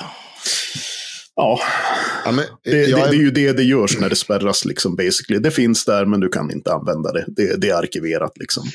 Så de har liksom missuppfattat hur Gustav fungerar då. Det kan också vara en hänvisning till att vi har sagt eh, liksom tydligt att allt material ska kunna studeras. Det handlar om att liksom folkbildningens principer ska följas, så att det finns ett förhållningssätt i cirkeln. Men allt material, precis som Lloyd var inne på, man ska kunna studera nazism, man ska kunna studera Mein Kampf om man vill, så länge det finns ett kritiskt och inte ett lärande eller liksom ett anammande av det. Så, så det kan också vara det som man hänvisar till. Jag menar, ett av de här materialen är en religiös urkund. Är uppdaterad så att de eh, problematiska delarna har författaren själv tagit avstånd från nu. Men, men religiösa urkunder innehåller ibland saker som idag i liksom en modern demokrati eller i en demokrati kan kännas som eh, att de strider mot de demokratiska värderingarna. Eh, och de är Eller fortfarande okej rent att studera. det. Ja, Ja, eller att, ja. de gör det. Och, och, då Mm. kan man, ju- och de kan ju fortfarande studeras, precis på samma sätt som andra studieförbund har cirklar i Bibeln, i Gamla Testamentet eller i, liksom i religiösa skrifter i de konservativa eh, liksom kyrkorna, så, så kan man studera dem så länge det finns ett folkbildande perspektiv. Och, och det kan ju vara det som, som TV4 har plockat upp, att, att liksom, det handlar inte om att förbjuda böcker, det handlar om att ha ett, ett, liksom ett folkbildningsprinciper efterlevs. Men så som man bra beskriver det är inte sant helt enkelt menar du? Att det här, ni har inte haft den här typen av di- dialog om det här utan det är någonting TV4 har gjort en tolkning av. Ja, vi har inte det- sagt jag det som läser står där. Enligt Ibn Rushd har det i samråd med Folkbildningsrådet landat i att utbildningsmaterial inte kommer tas bort från litteraturlistan. Jag känner inte igen det. Mm. Nej. Men jag vet inte vad det är för litteraturlista de menar. Det finns ingenting som heter litteraturlistan. Nej. Så, Ja, det, det hade ju varit en skitkonstig grej för Folkbildningsrådet att lägga sig i också. Alltså, Mm. det, det är liksom... Nej, jag kan, jag kan välja att tro på er för, för, utan något större problem. För jag tycker att den här texten i hur den är utformad, det är som att det, det är Magnus Ranstorp som har skrivit den, basically. Så om jag uttrycker mig så. Sen det finns ju vissa, finns vissa signalord. Antisemitism, barnaga och muslimer. Det säljer Ja. ganska fint och det är ju det som har hänt i liksom TV4-artikeln. Att man har gått igång på vissa signalord och sen skapat en sanning som aldrig fanns. Och sen har en massa andra medier skrivit artiklar baserat på TV4-artikeln. Vilket blir jätte, jätteproblematiskt. Det blir ju som ett, ett drev utan sanning. För det är också någonting som vi har lyft upp så här, att, att vi hittar det här materialet. Det är ju för att vi granskade och hittade det. Och vi var transparenta och lyfte upp det på det sätt som vi är skyldiga att göra. Och det förutsätter ju att det finns liksom en vilja till dialog, och förståelse och rättelse. För det är ju det vi gör här. Vi gör ju ett arbete för att komma till rätta med det. Och inte att det möts med liksom misstänksamhet och avfinansiering som vi ser nu. Så det är ju jätteutmanande tycker jag. Och, och att vi har hittat det visar ju också på att studieförbundens kontroller håller. Vi har hittat det här materialet, vi har granskat och hittat det själva och lyft upp det. Så systemen liksom för granskning håller. Eh, och då är det här att TV4-artikeln liksom formuleras så här och att den är så osann är ju en jätteutmaning i det tycker jag. För oss, för det får jättestora konsekvenser i den islamofobiska samtid vi lever i. Vad skulle du säga Axel? Nej, jag tänkte bara... Magnus Ranstorp sa du? Ja. Vad hade han skrivit sa du? Nej, alltså, jag, sa- jag skojar om att det är som Aha. att han har skrivit den här artikeln. För det är Jag väldigt skämtar mycket... inte om Magnus, vet du. Nej, okej. Nej, Nej, Då är man jag faktiskt tycker- terrorist. Nej, men, ja, precis. det, det, går, det går väldigt fort här. Och han svarar ju inte mig längre heller. Jag, jag uppfattar honom som en, liksom en, eh, förut som en helt, eh, liksom att han var seriös. Men jag, jag, han liksom gör inga rättelser, hur tydligt det än har blivit fel. Alltså, jag, det är väldigt... Nej, jag köper inte det där. Det jag, där håller du inte på om du är en seriös forskare. Det gör du inte. Jag tar avstånd. jag kan, jag kan bara, vi hade en, ah fy fan, alltså, ja. Det finns mycket personer som har ballat ur. Men okej, så det, det var den. Eh, eh, är det något mer du känner att du vill säga om det här som inte liksom har tagits upp? För jag, jag håller med. Det, det blir konstigt när man läser en artikel där det inbäddat i artikeln noterar man att, vänta, är det de som har lämnat in det här? För då sätts allting i ett annat ljus. Om du Mm. sysslar med, om du upptäcker oegentligheter som du inte vill ha i din organisation och säger så här, där har vi, här ser vi, här har vi gjort fel och där vill vi att vi, vi är villiga att lägga, lämna tillbaka pengar, vi har gjort de här sakerna, eller vi kan inte garantera att si och så har gjort. Då blir det väldigt konstigt att utmåla det som att det finns någonting lurt bakom Mm. det. För då har man ju gjort exakt det man ska göra. Vad fan det då är poängen med att då vara ärlig och transparent? Ja, och, och framförallt det kanske som går att lyfta upp är ju de svåra konsekvenserna som också drabbar oss. Det här har ju hänt då i två av våra distrikt, i en väldigt liten begränsad del av, av liksom vår verksamhet. Och, och vi ser ju frysta bidrag lokalt i hela Sverige. Och Mm. utredningar på utredningar på utredningar. Em, så så det, är liksom, det sätts ju igång ett maskineri som är helt oproportionerligt och som också är direkt liksom, Men em, också, också ja. utredningen, det såg jag, det, det som var det nere i Malmö var det tror jag var va? Eh, visst var det där? Den, vadå? Det var väl en där de fryste ut eh, bidragen? Ja, Region Skåne och Ja, Malmö stad Ja. och Helsingborg. Det finns Och- flera. Ja, absolut. Och då, då det så här bara, på vilken grund? Ja, men på att det här händer någon annanstans. Men det är ju de som har berättat det. Och det, det är liksom att det bara, det tar inte, det tar liksom, det, det är ingen tar in att det är, för det måste man ju ändå så lägga till grund för hur man ska liksom eh, hantera det här. Men det är som att man det är helt ointresserad av den delen. Man är så jävla sugen på att bara dra in bidraget. Och det Ja, tycker jag är oroväckande Absolut. på ett sätt som i, jag vill. Om jag säger så här då, Anna. Om du en dag kommer jag på, kommer på dig att du står på H&M och skriker Sieg Heil in i omklädningsrummet åt eh, någon stackars judinna som står där. Då, då kan jag vara ganska tydlig med att du, jag tycker inte att du ska ha något bidrag och sånt där. Men det är inte det som har hänt här. Det är inte det som liksom, det är inte, man är så jävla trigger happy på någonting som jag bara, på vad, vilka grunder då? Det är det som jag eftersöker i, i hela den här saken. Och jag tänkte att, eh, för det finns fortfarande en historia som jag sa. Och vi, vi inledde det här samtalet och sa du så här, det, ehm, det här som hände för tio år sedan. Och jag menar ju att de senaste grejerna som kom upp, SUM blev jag med bidragen, vad var det, 2000, när fan är det? Kolla när jag publicerade det avsnittet.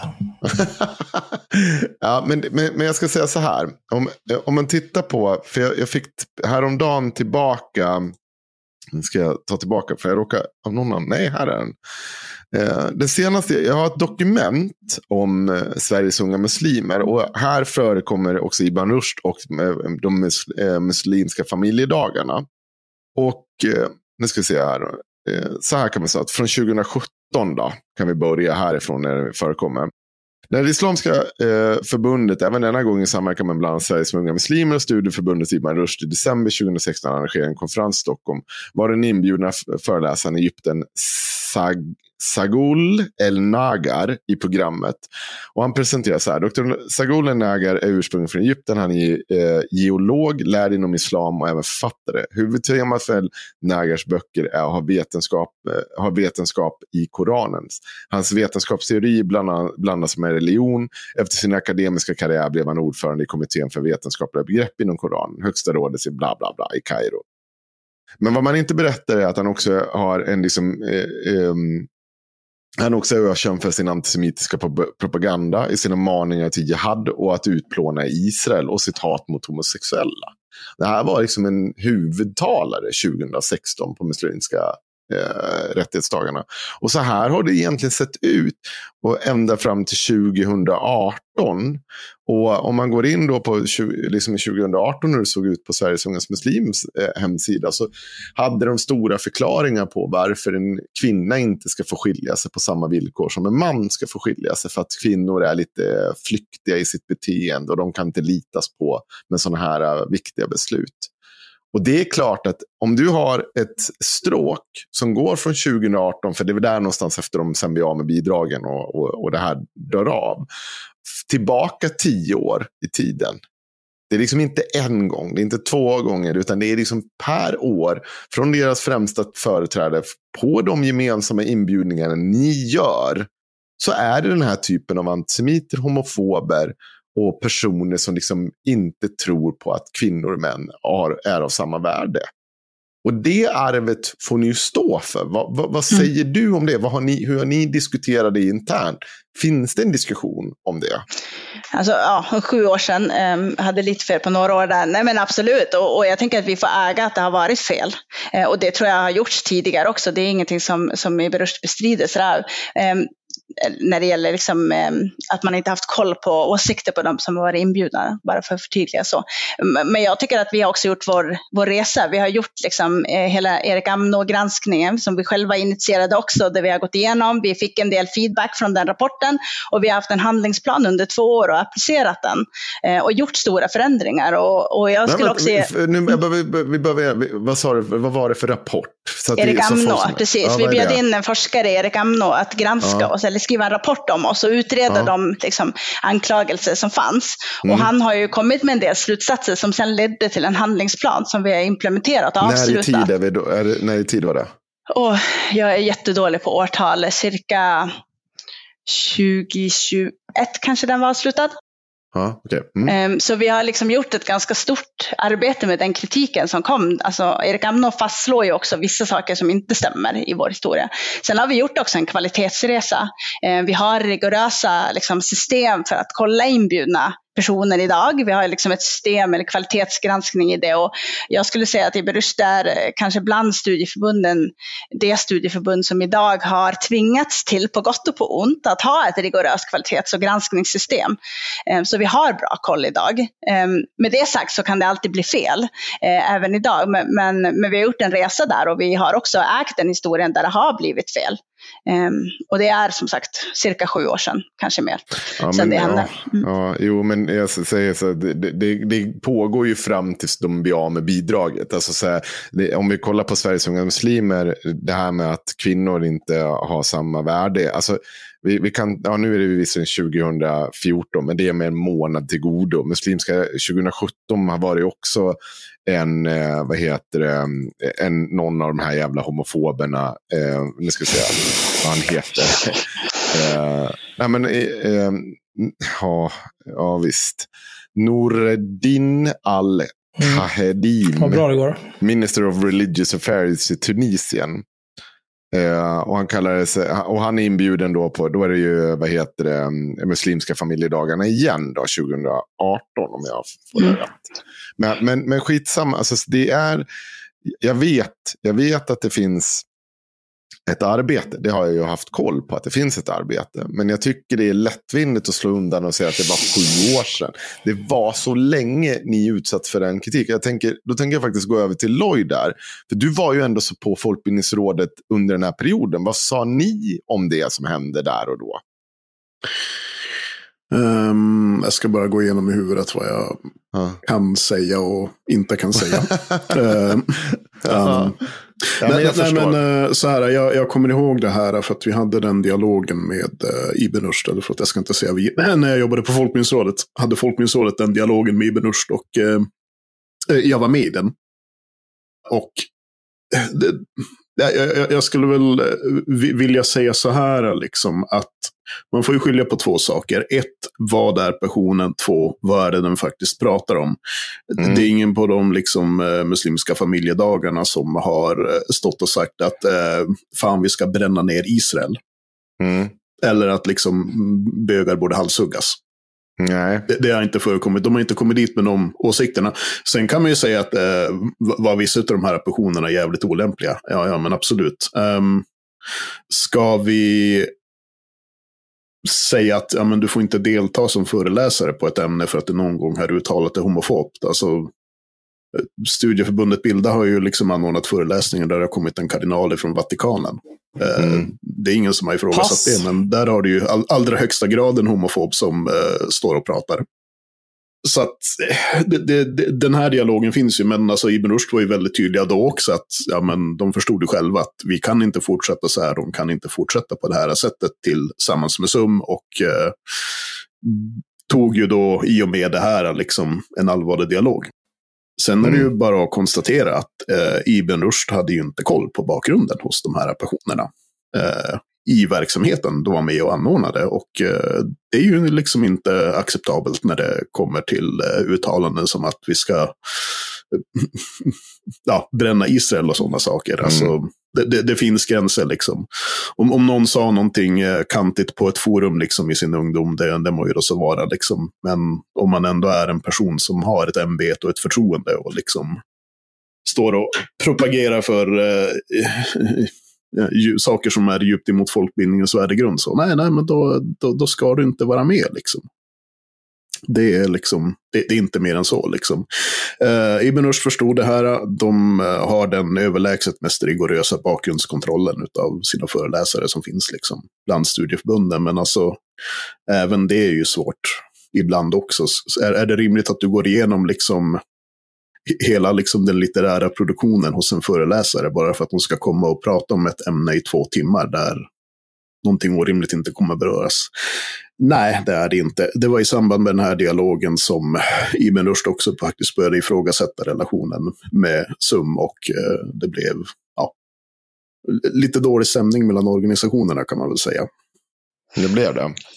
Ja, det blev det. Och här, eh, förlåt Anna, jag skulle bara säga en sak Mm. till. Här behöver man ju också tänka på vilken roll är det ett studieförbund har i en folkrörelse. Och jag skulle vilja säga att Ibn Rushd är en radikalt progressiv del utav den muslimska folkrörelsen. Och det är någonting som är väldigt bra och någonting som man faktiskt ska ta tillvara på. Och sen är det att det, det finns en annan, liksom, en annan aspekt på det här. Det är också så här, folkbildningen handlar ju om det fria och det frivilliga och det är människor som engagerar sig ideellt och vill bilda sig och samlas i sina cirklar för att prata och bilda sig. Så där. De kommer inte till, till civilsamhället för att vara controllers. Så att den här debatten också med den ökade kvaliteten. Så här, ja, självklart, vi ska ha koll på vår verksamhet, vi ska ha koll på vart skattemedel går på. Det, det är ingen som säger emot det. Eh, men det finns också någonting i den här omfattande kontrollmekanismen kontrollmekanismerna som vi hamnar i som också gör visst våld på folkbildningens själ sådär, och som underminerar möjligheterna för att det blir också absurt. Vi har haft en dialog med liksom en lokal eh, kommun som sa att vi har haft en, eller så här, vi skulle arrangera en föreläsning med en föreläsare som, har del, eller som är släkt med och har delat en föreläsare som en gång har sagt något problematiskt. Det blir sådana kedjor av kontroll som inte blir rimligt. Och vi är, ett- vi är ett väldigt litet studieförbund. Alltså det, det, det, det är därför jag säger att det är på gott och på ont att vi är rigorösa i vår liksom, granskning och vår eh, kvalitet. För det tar också jättemycket tid och kraft från det som också är eh, liksom vårt uppdrag, att göra folkbildning. Eh, och jag skulle säga att all granskning och liksom alla aspekter på, på liksom varför de här sakerna hamnar om, handlar ju liksom inte bara om eh, vår verksamhet, utan det finns också en islamofobisk samtid som, som, som spelar in i varför vi hamnar i de här eh, dreven och liksom granskningarna. Så. Um, men sen självklart, vi ska ha koll, det är inte det jag säger. Men, men också när man jobbar med människor, det kommer att bli fel ibland. Och det tror jag att det måste finnas ett utrymme för. Sen måste man göra rätt och vara transparent med sina fel. Um, men, men det kommer att bli fel. Mm. Nej, jag, jag har ingen problem med det där med en islamofobisk samtid. Alltså jag ser ju, alltså jag, ser ju vilka, jag blir inte förvånad över vilka kommuner det är som eh, gör det och, och hur, det- hur det ser ut liksom, där kring. Och, um, jag tycker att man borde kunna se tydligare, men man är så jävla lätt att springa i drevets riktning här, om jag uttrycker mig så. Eh, utan att förminska att det också har funnits fel och saker som ni inte har gjort rätt. Eh, men, men det blir ju, än en gång, jag hade inte tagit upp det här om jag inte tyckte att det så här, bara, bara av att läsa artikeln så fick jag liksom så här, nej, lugna ner, vad är det här för någonting? Och det var samma sak den här uppföljande artikeln som kom med den här, vad var han för imam som sa att alla muslimer var, Uh, vad sa han? Han sa att alla muslimer var böghatare eller något sånt där. Han, han sa ju något så konstigt. Vet du inte vad jag pratar om, Anna? Eh, Då sa man ju att det var ni, att han gjorde det för er. Det stod ju också i artikeln. Ja, just det. Ja, Mm, ja, men alltså jag tror att det, det är ganska, alltså, och det är faktiskt en, en ganska allvarlig konsekvens som händer. Alltså att människor em, som liksom engagerar sig hos oss för att de vill hålla i bildning och så här, hängs ut i sitt privatliv för att de är kopplade till oss. Det har också ett jättehögt pris att jobba för oss eller att vara en del av oss. Och det märker vi att många föreningar också blir rädda för att samarbeta med oss. Vi har tjänst, eller personer i, i liksom, som har jobbat för oss som inte får banklån på grund av att de liksom, jobbar hos en Rushd. Och vi har förtroendevalda som inte får jobb i offentlig myndighet med säkerhetsklassning för att de jobbar hos oss. Och när jag jobbade på mitt tidigare jobb så fick inte jag, jag sökte bidrag på, på den organisation jag jobbar med för att göra ett projekt mot rasism. Och vi eh, blev liksom, fick en lång dialog med den bidragsgivaren för att jag var ideellt engagerad i Ibn Rushd och utmålades som islamist, alltså i min tjänst. Jag jobbade inte för Ibn Rushd då. Så det har också jättestora konsekvenser att förknippas med Ibn Rushd på grund av liksom, samtiden. Och, och det här exemplet du nämner är också så här, det blir clickbait, att förknippa någon och koppla dem med oss, då blir det en spännande nyhet. Men det har också ett högt pris för många människor. Så. Ja, jag- skulle vilja ta ett eh, parallellt exempel angående det här som har hänt i eh, Malmö och Skåne då Ibn Rushd blev av med bidragen. Det här gällde ju någonting som hände någon annanstans och det som betalades tillbaka var 146 000. Ehm, allt det här jag säger nu det är ju liksom offentliga handlingar så det är ju inga hemligheter eller så. Men eh, eh, för ja, ganska ny, för ungefär ett år sedan så avslutades en annan stor utredning i Skåne som eh, tror jag rörde återtag om en eh, 6-7 miljoner. Hej, Magnus här. jag klipper den här podden. Lloyd har i efterhand bett om att få in en rättelse i det här segmentet. Den utredning han pratade om handlade om nästan 4 miljoner kronor och inte 6 till 7 miljoner kronor som Lloyd råkar säga. Eh, för att eh, två studieförbund hade dabbat sig ordentligt. Det var ingen som pratade om att dra in några bidrag då. Vad var det? Ehm, det, det rörde en stor hiphopverksamhet som eh, Studieförbundet Vuxenskolan och Kulturens bildningsverksamhet hade i Skåne. Där det, ja, det, det fanns en massa andra problem med den verksamheten. Eh, den ströks, den återbetalades. Eh, allting anmäldes till Folkbildningsrådet. Det var inte de som upptäckte någonting, utan det är liksom gängse process bland studieförbunden. Studieförbund är väldigt transparenta mot myndigheten. Och det ingår i hela den gemensamma förvaltningsmodellen.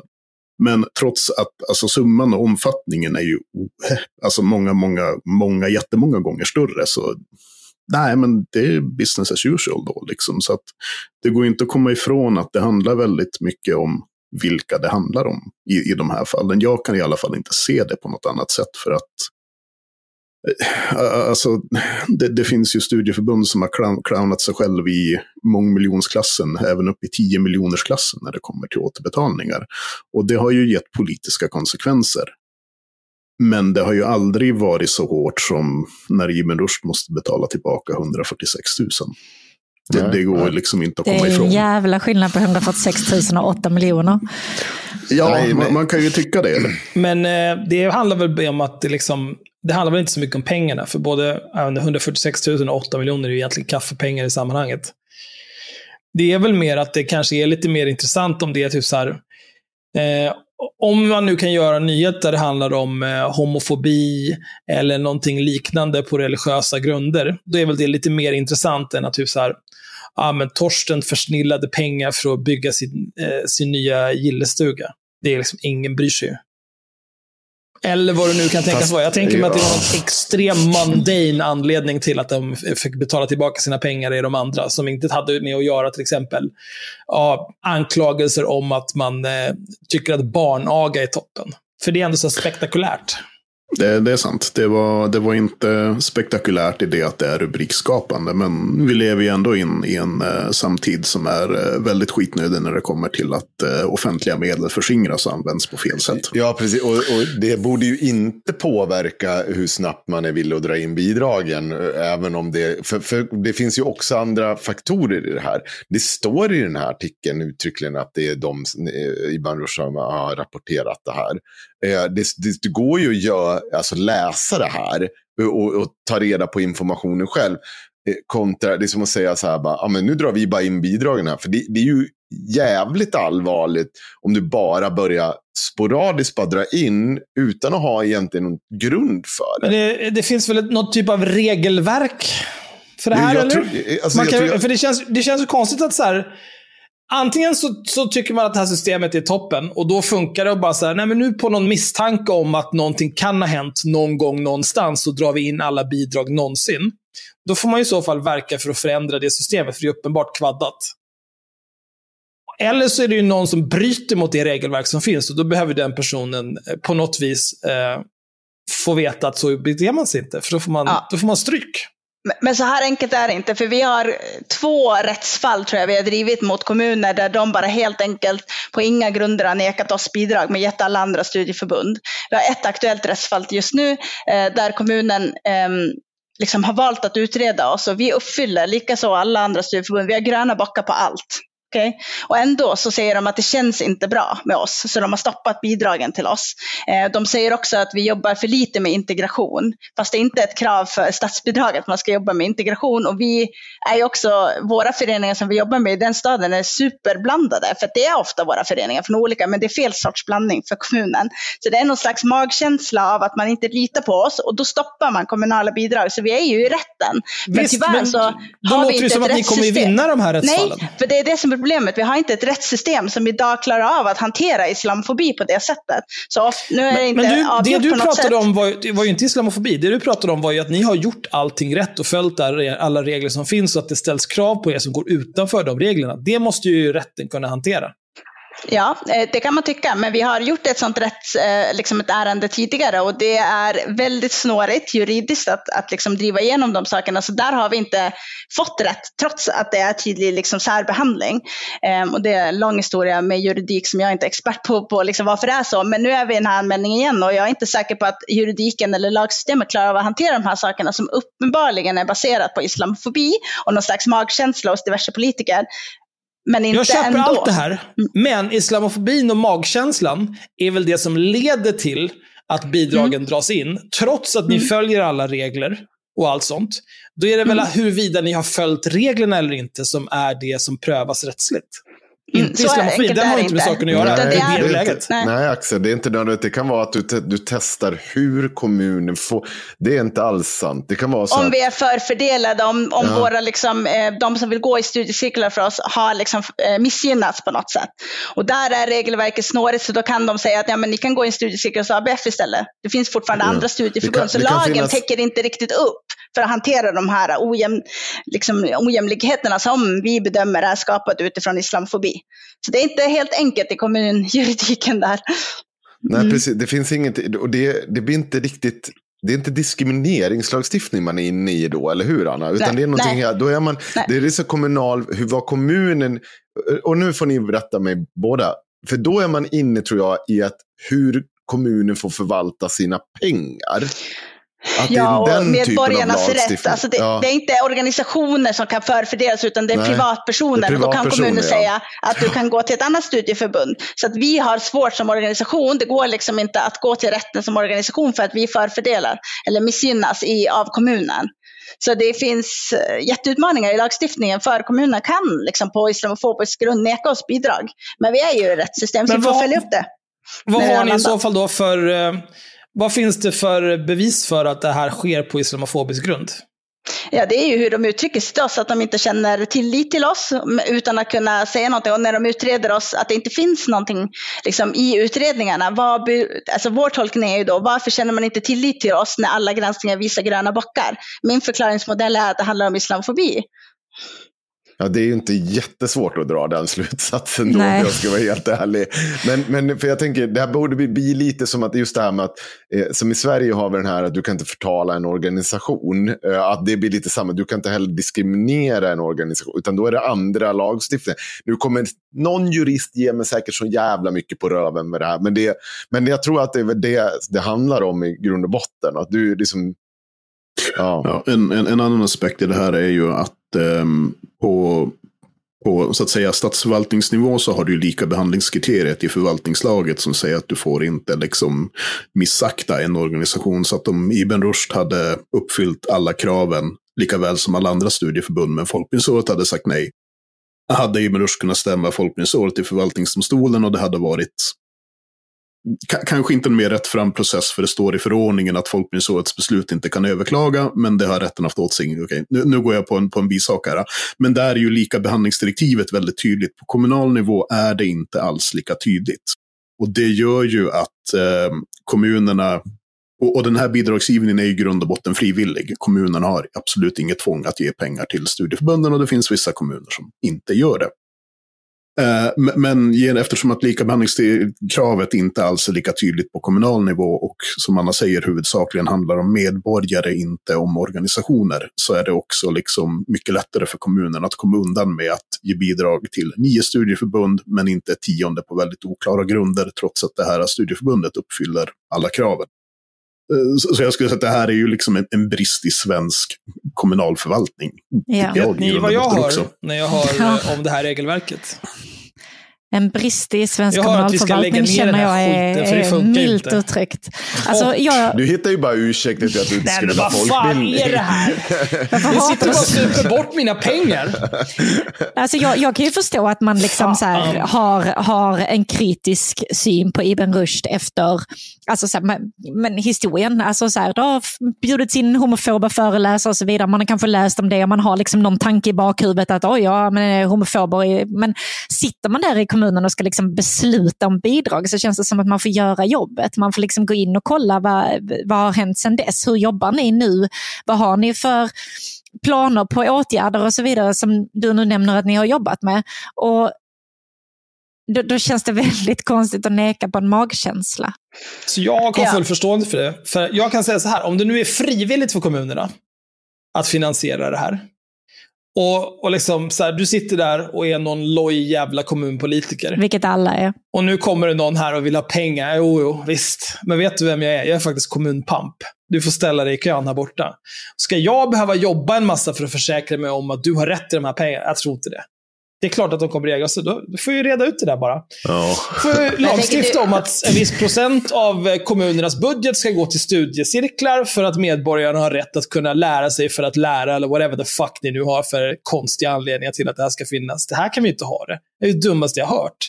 Det är bara rent godtycke vad jag än vänder mig och säkert hur många miljarder som helst rätt i sjön. Vi skulle kunna göra en fin uppskattning också på hur många liksom, tusentals skattemedel som har gått till utredningar av Nej. oss, av kommunerna, för att man har en magkänsla av att det känns inte riktigt bra det här med muslimer. Så jag tänker att om du ska avskaffa något så kanske det är islamofobin du borde rikta in det på där, för den är ganska kostsam just nu. Alltså, Ja, om, om man det, det har nog garanterat kostat mer än vad ni får i statsbidrag. Vad ska vi då göra avsnitt om? Jag fattar inte. Men, men det känns... Äh, vänta, jag, glömde, jag tappade tråden. Men jag, ge mig en sekund, jag kommer tillbaka. Ni kan prata om någonting annat. Nej, men, ja, nej, nej jag, jag har inte ett problem med det här. Jag, och det, jag, jag tror ju att ni kommer, det kommer vi ju se i framtiden. Och att de här sydkommunerna och grejerna där, det kommer komma tillbaka. För det kommer inte hålla. Och jag tror att det går inte på bred front att göra det här hur länge som helst innan det faktiskt börjar reageras över. Och då kanske vi behöver diskutera. Alltså, det har gjorts i väldigt många år skulle jag säga och det verkar inte reagera så mycket utan tvärtom så upplever jag ju att det trappas upp och med tanke på att man redan har dragit ganska mycket pengar från folkbildning så är det ju väldigt skört för oss just nu faktiskt helt Mm. Ja, ärligt. jo, så att, men, men, så men helt ärligt så, det slaget är faktiskt ett slag mot folkbildningen i stort. Som jag inte Ja, ja, håller 100 med procent. om. Men, Ja, men som ett litet studieförbund så blir det ju Ja. skörare. Kulturen Ja, som men- var lika stora som oss har ju lagt ner. Så att Men jag Anna, tänker där- i kombination du- med lokala granskningar och frysta bidrag så blir det ju Mm. extra problematiskt. Det är det som är Men det min är poäng. två olika, jag fortfarande två. Jag ger dig poängen att jag, jag kan också se att det finns en uh, islamofoba inslag i en del av det här. Och det är ju inte det generella indraget Absolut till folkbildning. Utan där har det ju mer att göra med att borgare vill inte att eh, vi ska hålla på med sånt här. Poängen var att eh, du menar på att vi kanske ser det här att det kommer att upphöra. Min, min poäng är att det håller på att trissas upp, aha. upplever vi. Och att det också Ja. får sådana svåra konsekvenser att i kombination med neddragning så kan det bli rejält liksom, svårt för oss eh, att Ja. finnas kvar. Med tanke på att liksom, jag var och träffade en region för ett tag sedan som fryste bidrag bara på att ha läst TV4. Och där vi sa det till dem Mm. att Eh, tror inte ni som region på liksom, dialog och öppenhet? Varför, varför går ni ut och fryser med en stenhård artikel på en TV4-artikel? Och då backade den här personen i samtalet och sa, jo det är klart vi gör det och vi ska lyssna in er. Så var jag där en timme. Efter en vecka så öppnar de det. Så att det också, de Mm. reagerar jätteemotionellt på liksom, medieuppgifter på ett sätt som inte känns helt liksom, Nej, men Anna, rättssäkert jag, för jag, kommunen. jag uttryckte Mm. mig kanske klumpigt. Jag menade på att, för, för, jag, nej, jag, jag menar inte på att Sverige inte skulle kunna gå åt ett auktoritärt håll och att man faktiskt gör sådana här saker regelmässigt. Alltså det, annars hade jag inte hållit på med IRM i nästan tio år. Att jag Mm. trodde på det. Det, är liksom, det. det tror jag det på. Men jag menar bara att eh, det kommer också nu i det omedelbara så kommer det några backa. För det tror jag att det kommer bli problem att upprätthålla det. Sen förstår jag att det är ett hårt slag för er ändå.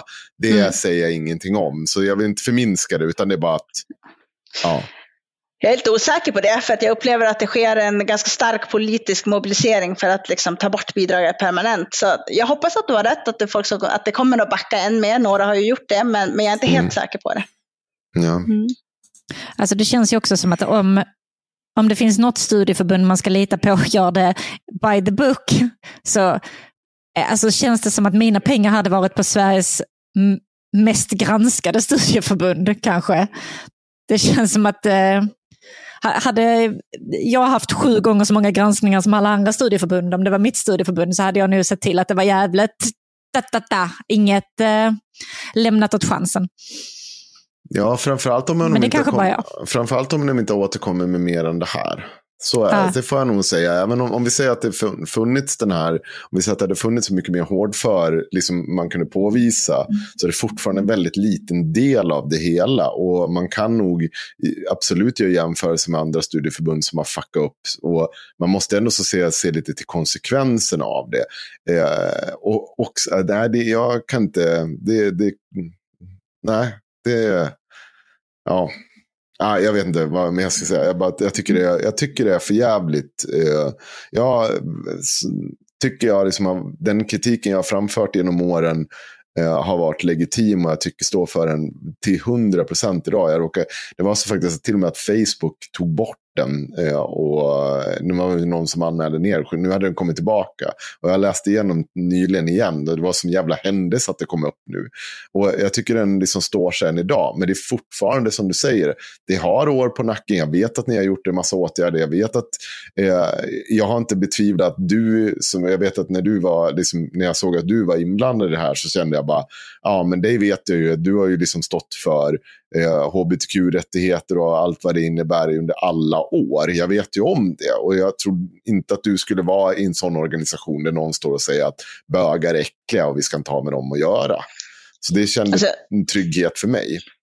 Min, min senaste tjänst handlar ju om att jobba med barnrättsfrågor eh, liksom i utsatta områden. Så för mig ehm, skulle det kännas väldigt svårt att liksom fronta eh, en organisation som tror på barnäktenskap och barnaga och som undervisar i det eller främjar det. så. Eh, det skulle kännas jättefrämjande. Alltså verkligen. Ehm, Vad vad fint och- och- du säger det. Du menar att det skulle vara helt efterblivet?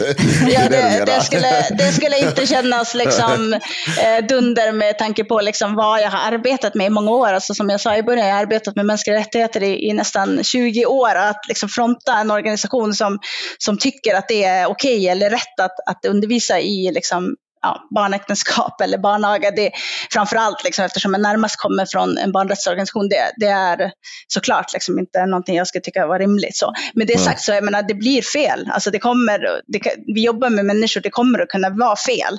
Eh, vi har en stor organisation och, och det kan finnas liksom fel sådär. Eh, på samma sätt som vi har inte lyckats med dokumentationen. Alltså, ibland brister det. Och som de exempel som Lloyd har gett, men med studieförbund, alla studieförbund generellt idag har ju bra koll på sin verksamhet och har ju bra koll på kvalitet och vad vi liksom har för verksamhet. Så. Mm. Mm. Ja, är det någon som känner att ni har något att tillägga nu då? För nu är mitt dokument slut nämligen på det här. Nej, det här blev väl bra. Har ni några avslutande ord, Anna eller Lloyd, som ni vill lägga till?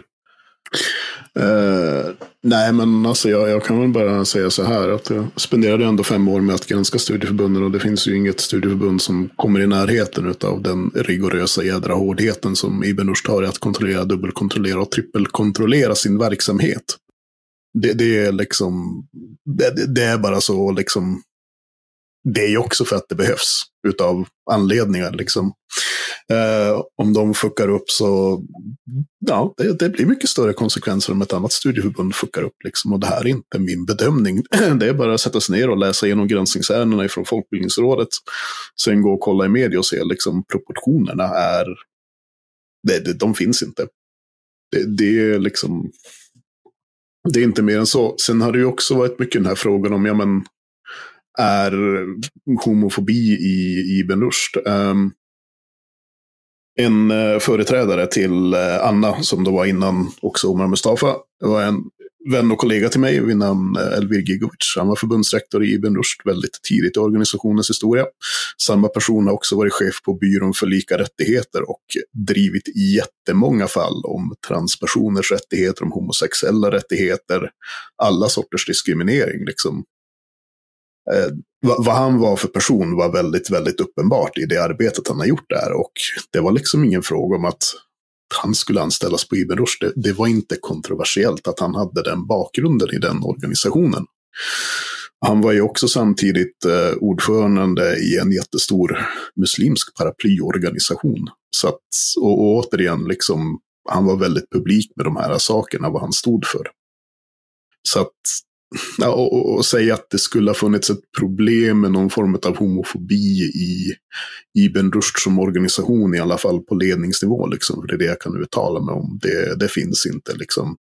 jag, jag har sett liksom Rushds nuvarande ordförande stå liksom på ett årsmöte och skälla ut bland annat förbundschefen för att han, han vill inte kalla sig själv för feminist. jag, tror, jag, tror jag är ganska säker på att det var Zainab i alla fall. Okej. Okay. Alltså det, det, det, finns någon tröttsam bild tycker jag också i allt det här som har hänt om att muslimer är liksom eh, odemokratiska robotar som bara sväljer allt som är liksom, alltså om, om vi har en litteratur som säger en sak så sväljer man det och så liksom är det det vi liksom tycker och tror. Det finns också en tröttsam bild för att i den här historien så har jag pratat med andra som har sagt så här, ja men man förstår att när liksom en, en eh, kristen person läser Bibeln så, så förhåller den sig till det som står där demokratiskt därför att vi är demokrater. Men när muslimer läser någonting som liksom innehåller eh, odemokratiska liksom, värderingar, då helt plötsligt så förvandlas den till en odemokratisk vilde som eh, blir det som står. Det finns också någon sån tröttsam stereotyp i, i det, hela den här historien tycker jag, om att vi inte kan förhålla oss på ett kritiskt sätt till liksom, antidemokratiska saker, vilket såklart inte stämmer. Alltså muslimer eh, eh förhåller sig till, till de här sakerna precis som alla andra på, på rimliga sätt hela tiden. Eh, och den här tröttsamma bilden eh, slår ju så, såklart igenom i liksom, de här signalorden som har varit. Rätta mig om jag har fel nu, men eh, det är väl så att eh, den judiska läran är väl eh, tyr till det gamla testamentet och allt vad det innebär. Och det gamla testamentet är väl extremt våldsamt. Och, och när vi, om vi skulle beskriva judar ut efter de principerna så skulle det utan tvekan kallas islam, eller vad säger jag, antisemitism. Ja, och jag är också övertygad om att mina barn som liksom har tittat på Emil i Lönneberga förstår att barnaga inte är okej. Liksom. Alltså, vi förhåller oss till en massa olika problematiska litteratur och filmer och våld i hela samhället och, och förstår att det inte är rimligt. Ja, och, och så fan, är det, så... det, det är fan helt sjukt att vi hela det här Sverige, den här masspsykosen med att Emil är på väg att få stryk 24 och, och ingen bara, alla bara tycker det är så gulligt. Om han kunde bete sig lite bättre. Ja. Nej, men det finns något väldigt liksom, eh, på en filosofisk nivå om det också i det här. Sen är det, liksom, betyder det inte att vi såklart, liksom, ska, då, det har vi ju upprepat flera gånger, att vi ska ju såklart ha koll på vårt anordnarskap och vad vi har för litteratur och på vilket sätt liksom, det undervisas i. Men, men det finns också något väldigt tröttsamt i hela den här bilden om oss och liksom någon slags oförståelse om, om hur muslimer, att de skulle vara på ett annat sätt än alla andra antidemokrater och liksom diverse liksom i, i sig själva. Mm. Mm. Ja, är det någon annan som har något att tillägga? För annars tänker jag att det här har varit en jävla pers den här kvällen i att ta sig hem. Och jag... Tycker du är gnällig? Ja, okej, okay, det är klart det är. Mister inget nej, jag... körkort. nej, jag ska med körkort. Pendeln är ju precis här. Jaha, du tycker att det har varit en pers för att uh, du har suttit på tåg. Jag förstår. Okej. Okay. Uh, eh, nej, jag har ingenting mer att tillägga tror jag. Var, vi har väl varit ganska tydliga allihop. Ja. Tack Anna, tack Lloyd för att ni kom och medverka. Mm. Tack själv. Ja, tack själva. Jag ser fram emot att något jävla skåp som tycker att allt det här var fel ska höra av sig också vill jag vara med. yes, vad roligt. Det ska bli spännande att se era kommentarsfält på det här avsnittet. Jag vet inte om det skilde sig eller hur det är, men det blir spännande. Nej, det tror jag inte att du kommer Det kommer nog inte vara så spännande. Nej, det tror Nej. jag. De tror jag, där vi har en jag, jag tycker om vår, de lyssnarskara. De är, inte, de är lika galna som de är förnuftiga om jag uttrycker mig så. Spännande. Ja. Mm. Jag tycker om de som betalar. Ja, det är klart det gör. Tack så jättemycket. Nu får Sanna säga de bevingade orden. Fridens.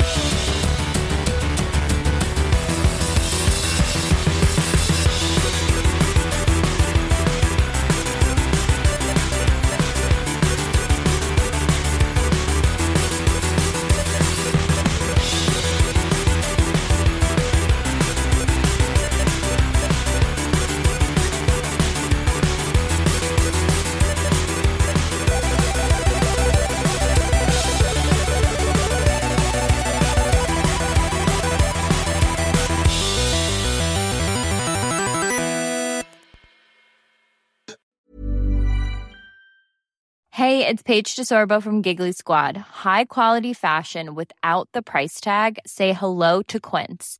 I'm snagging high-end essentials like cozy cashmere sweaters, sleek leather jackets, fine jewelry, and so much more. With Quince being 50 to 80% less than similar brands. And they partner with factories that prioritize safe, ethical, and responsible manufacturing. I love that. Luxury quality within reach. Go to quince.com slash style to get free shipping and 365 day returns on your next order. Quince.com slash style. Hold up. What was that? Boring. No flavor. That was as bad as those leftovers you ate all week. Kiki Palmer here, and it's time to say hello to something fresh and guilt-free. Hello Fresh. Jazz up dinner with pecan-crusted chicken or garlic butter shrimp scampi. Now that's music to my mouth. Hello Fresh. Let's get this dinner party started. Discover all the delicious possibilities at hellofresh.com.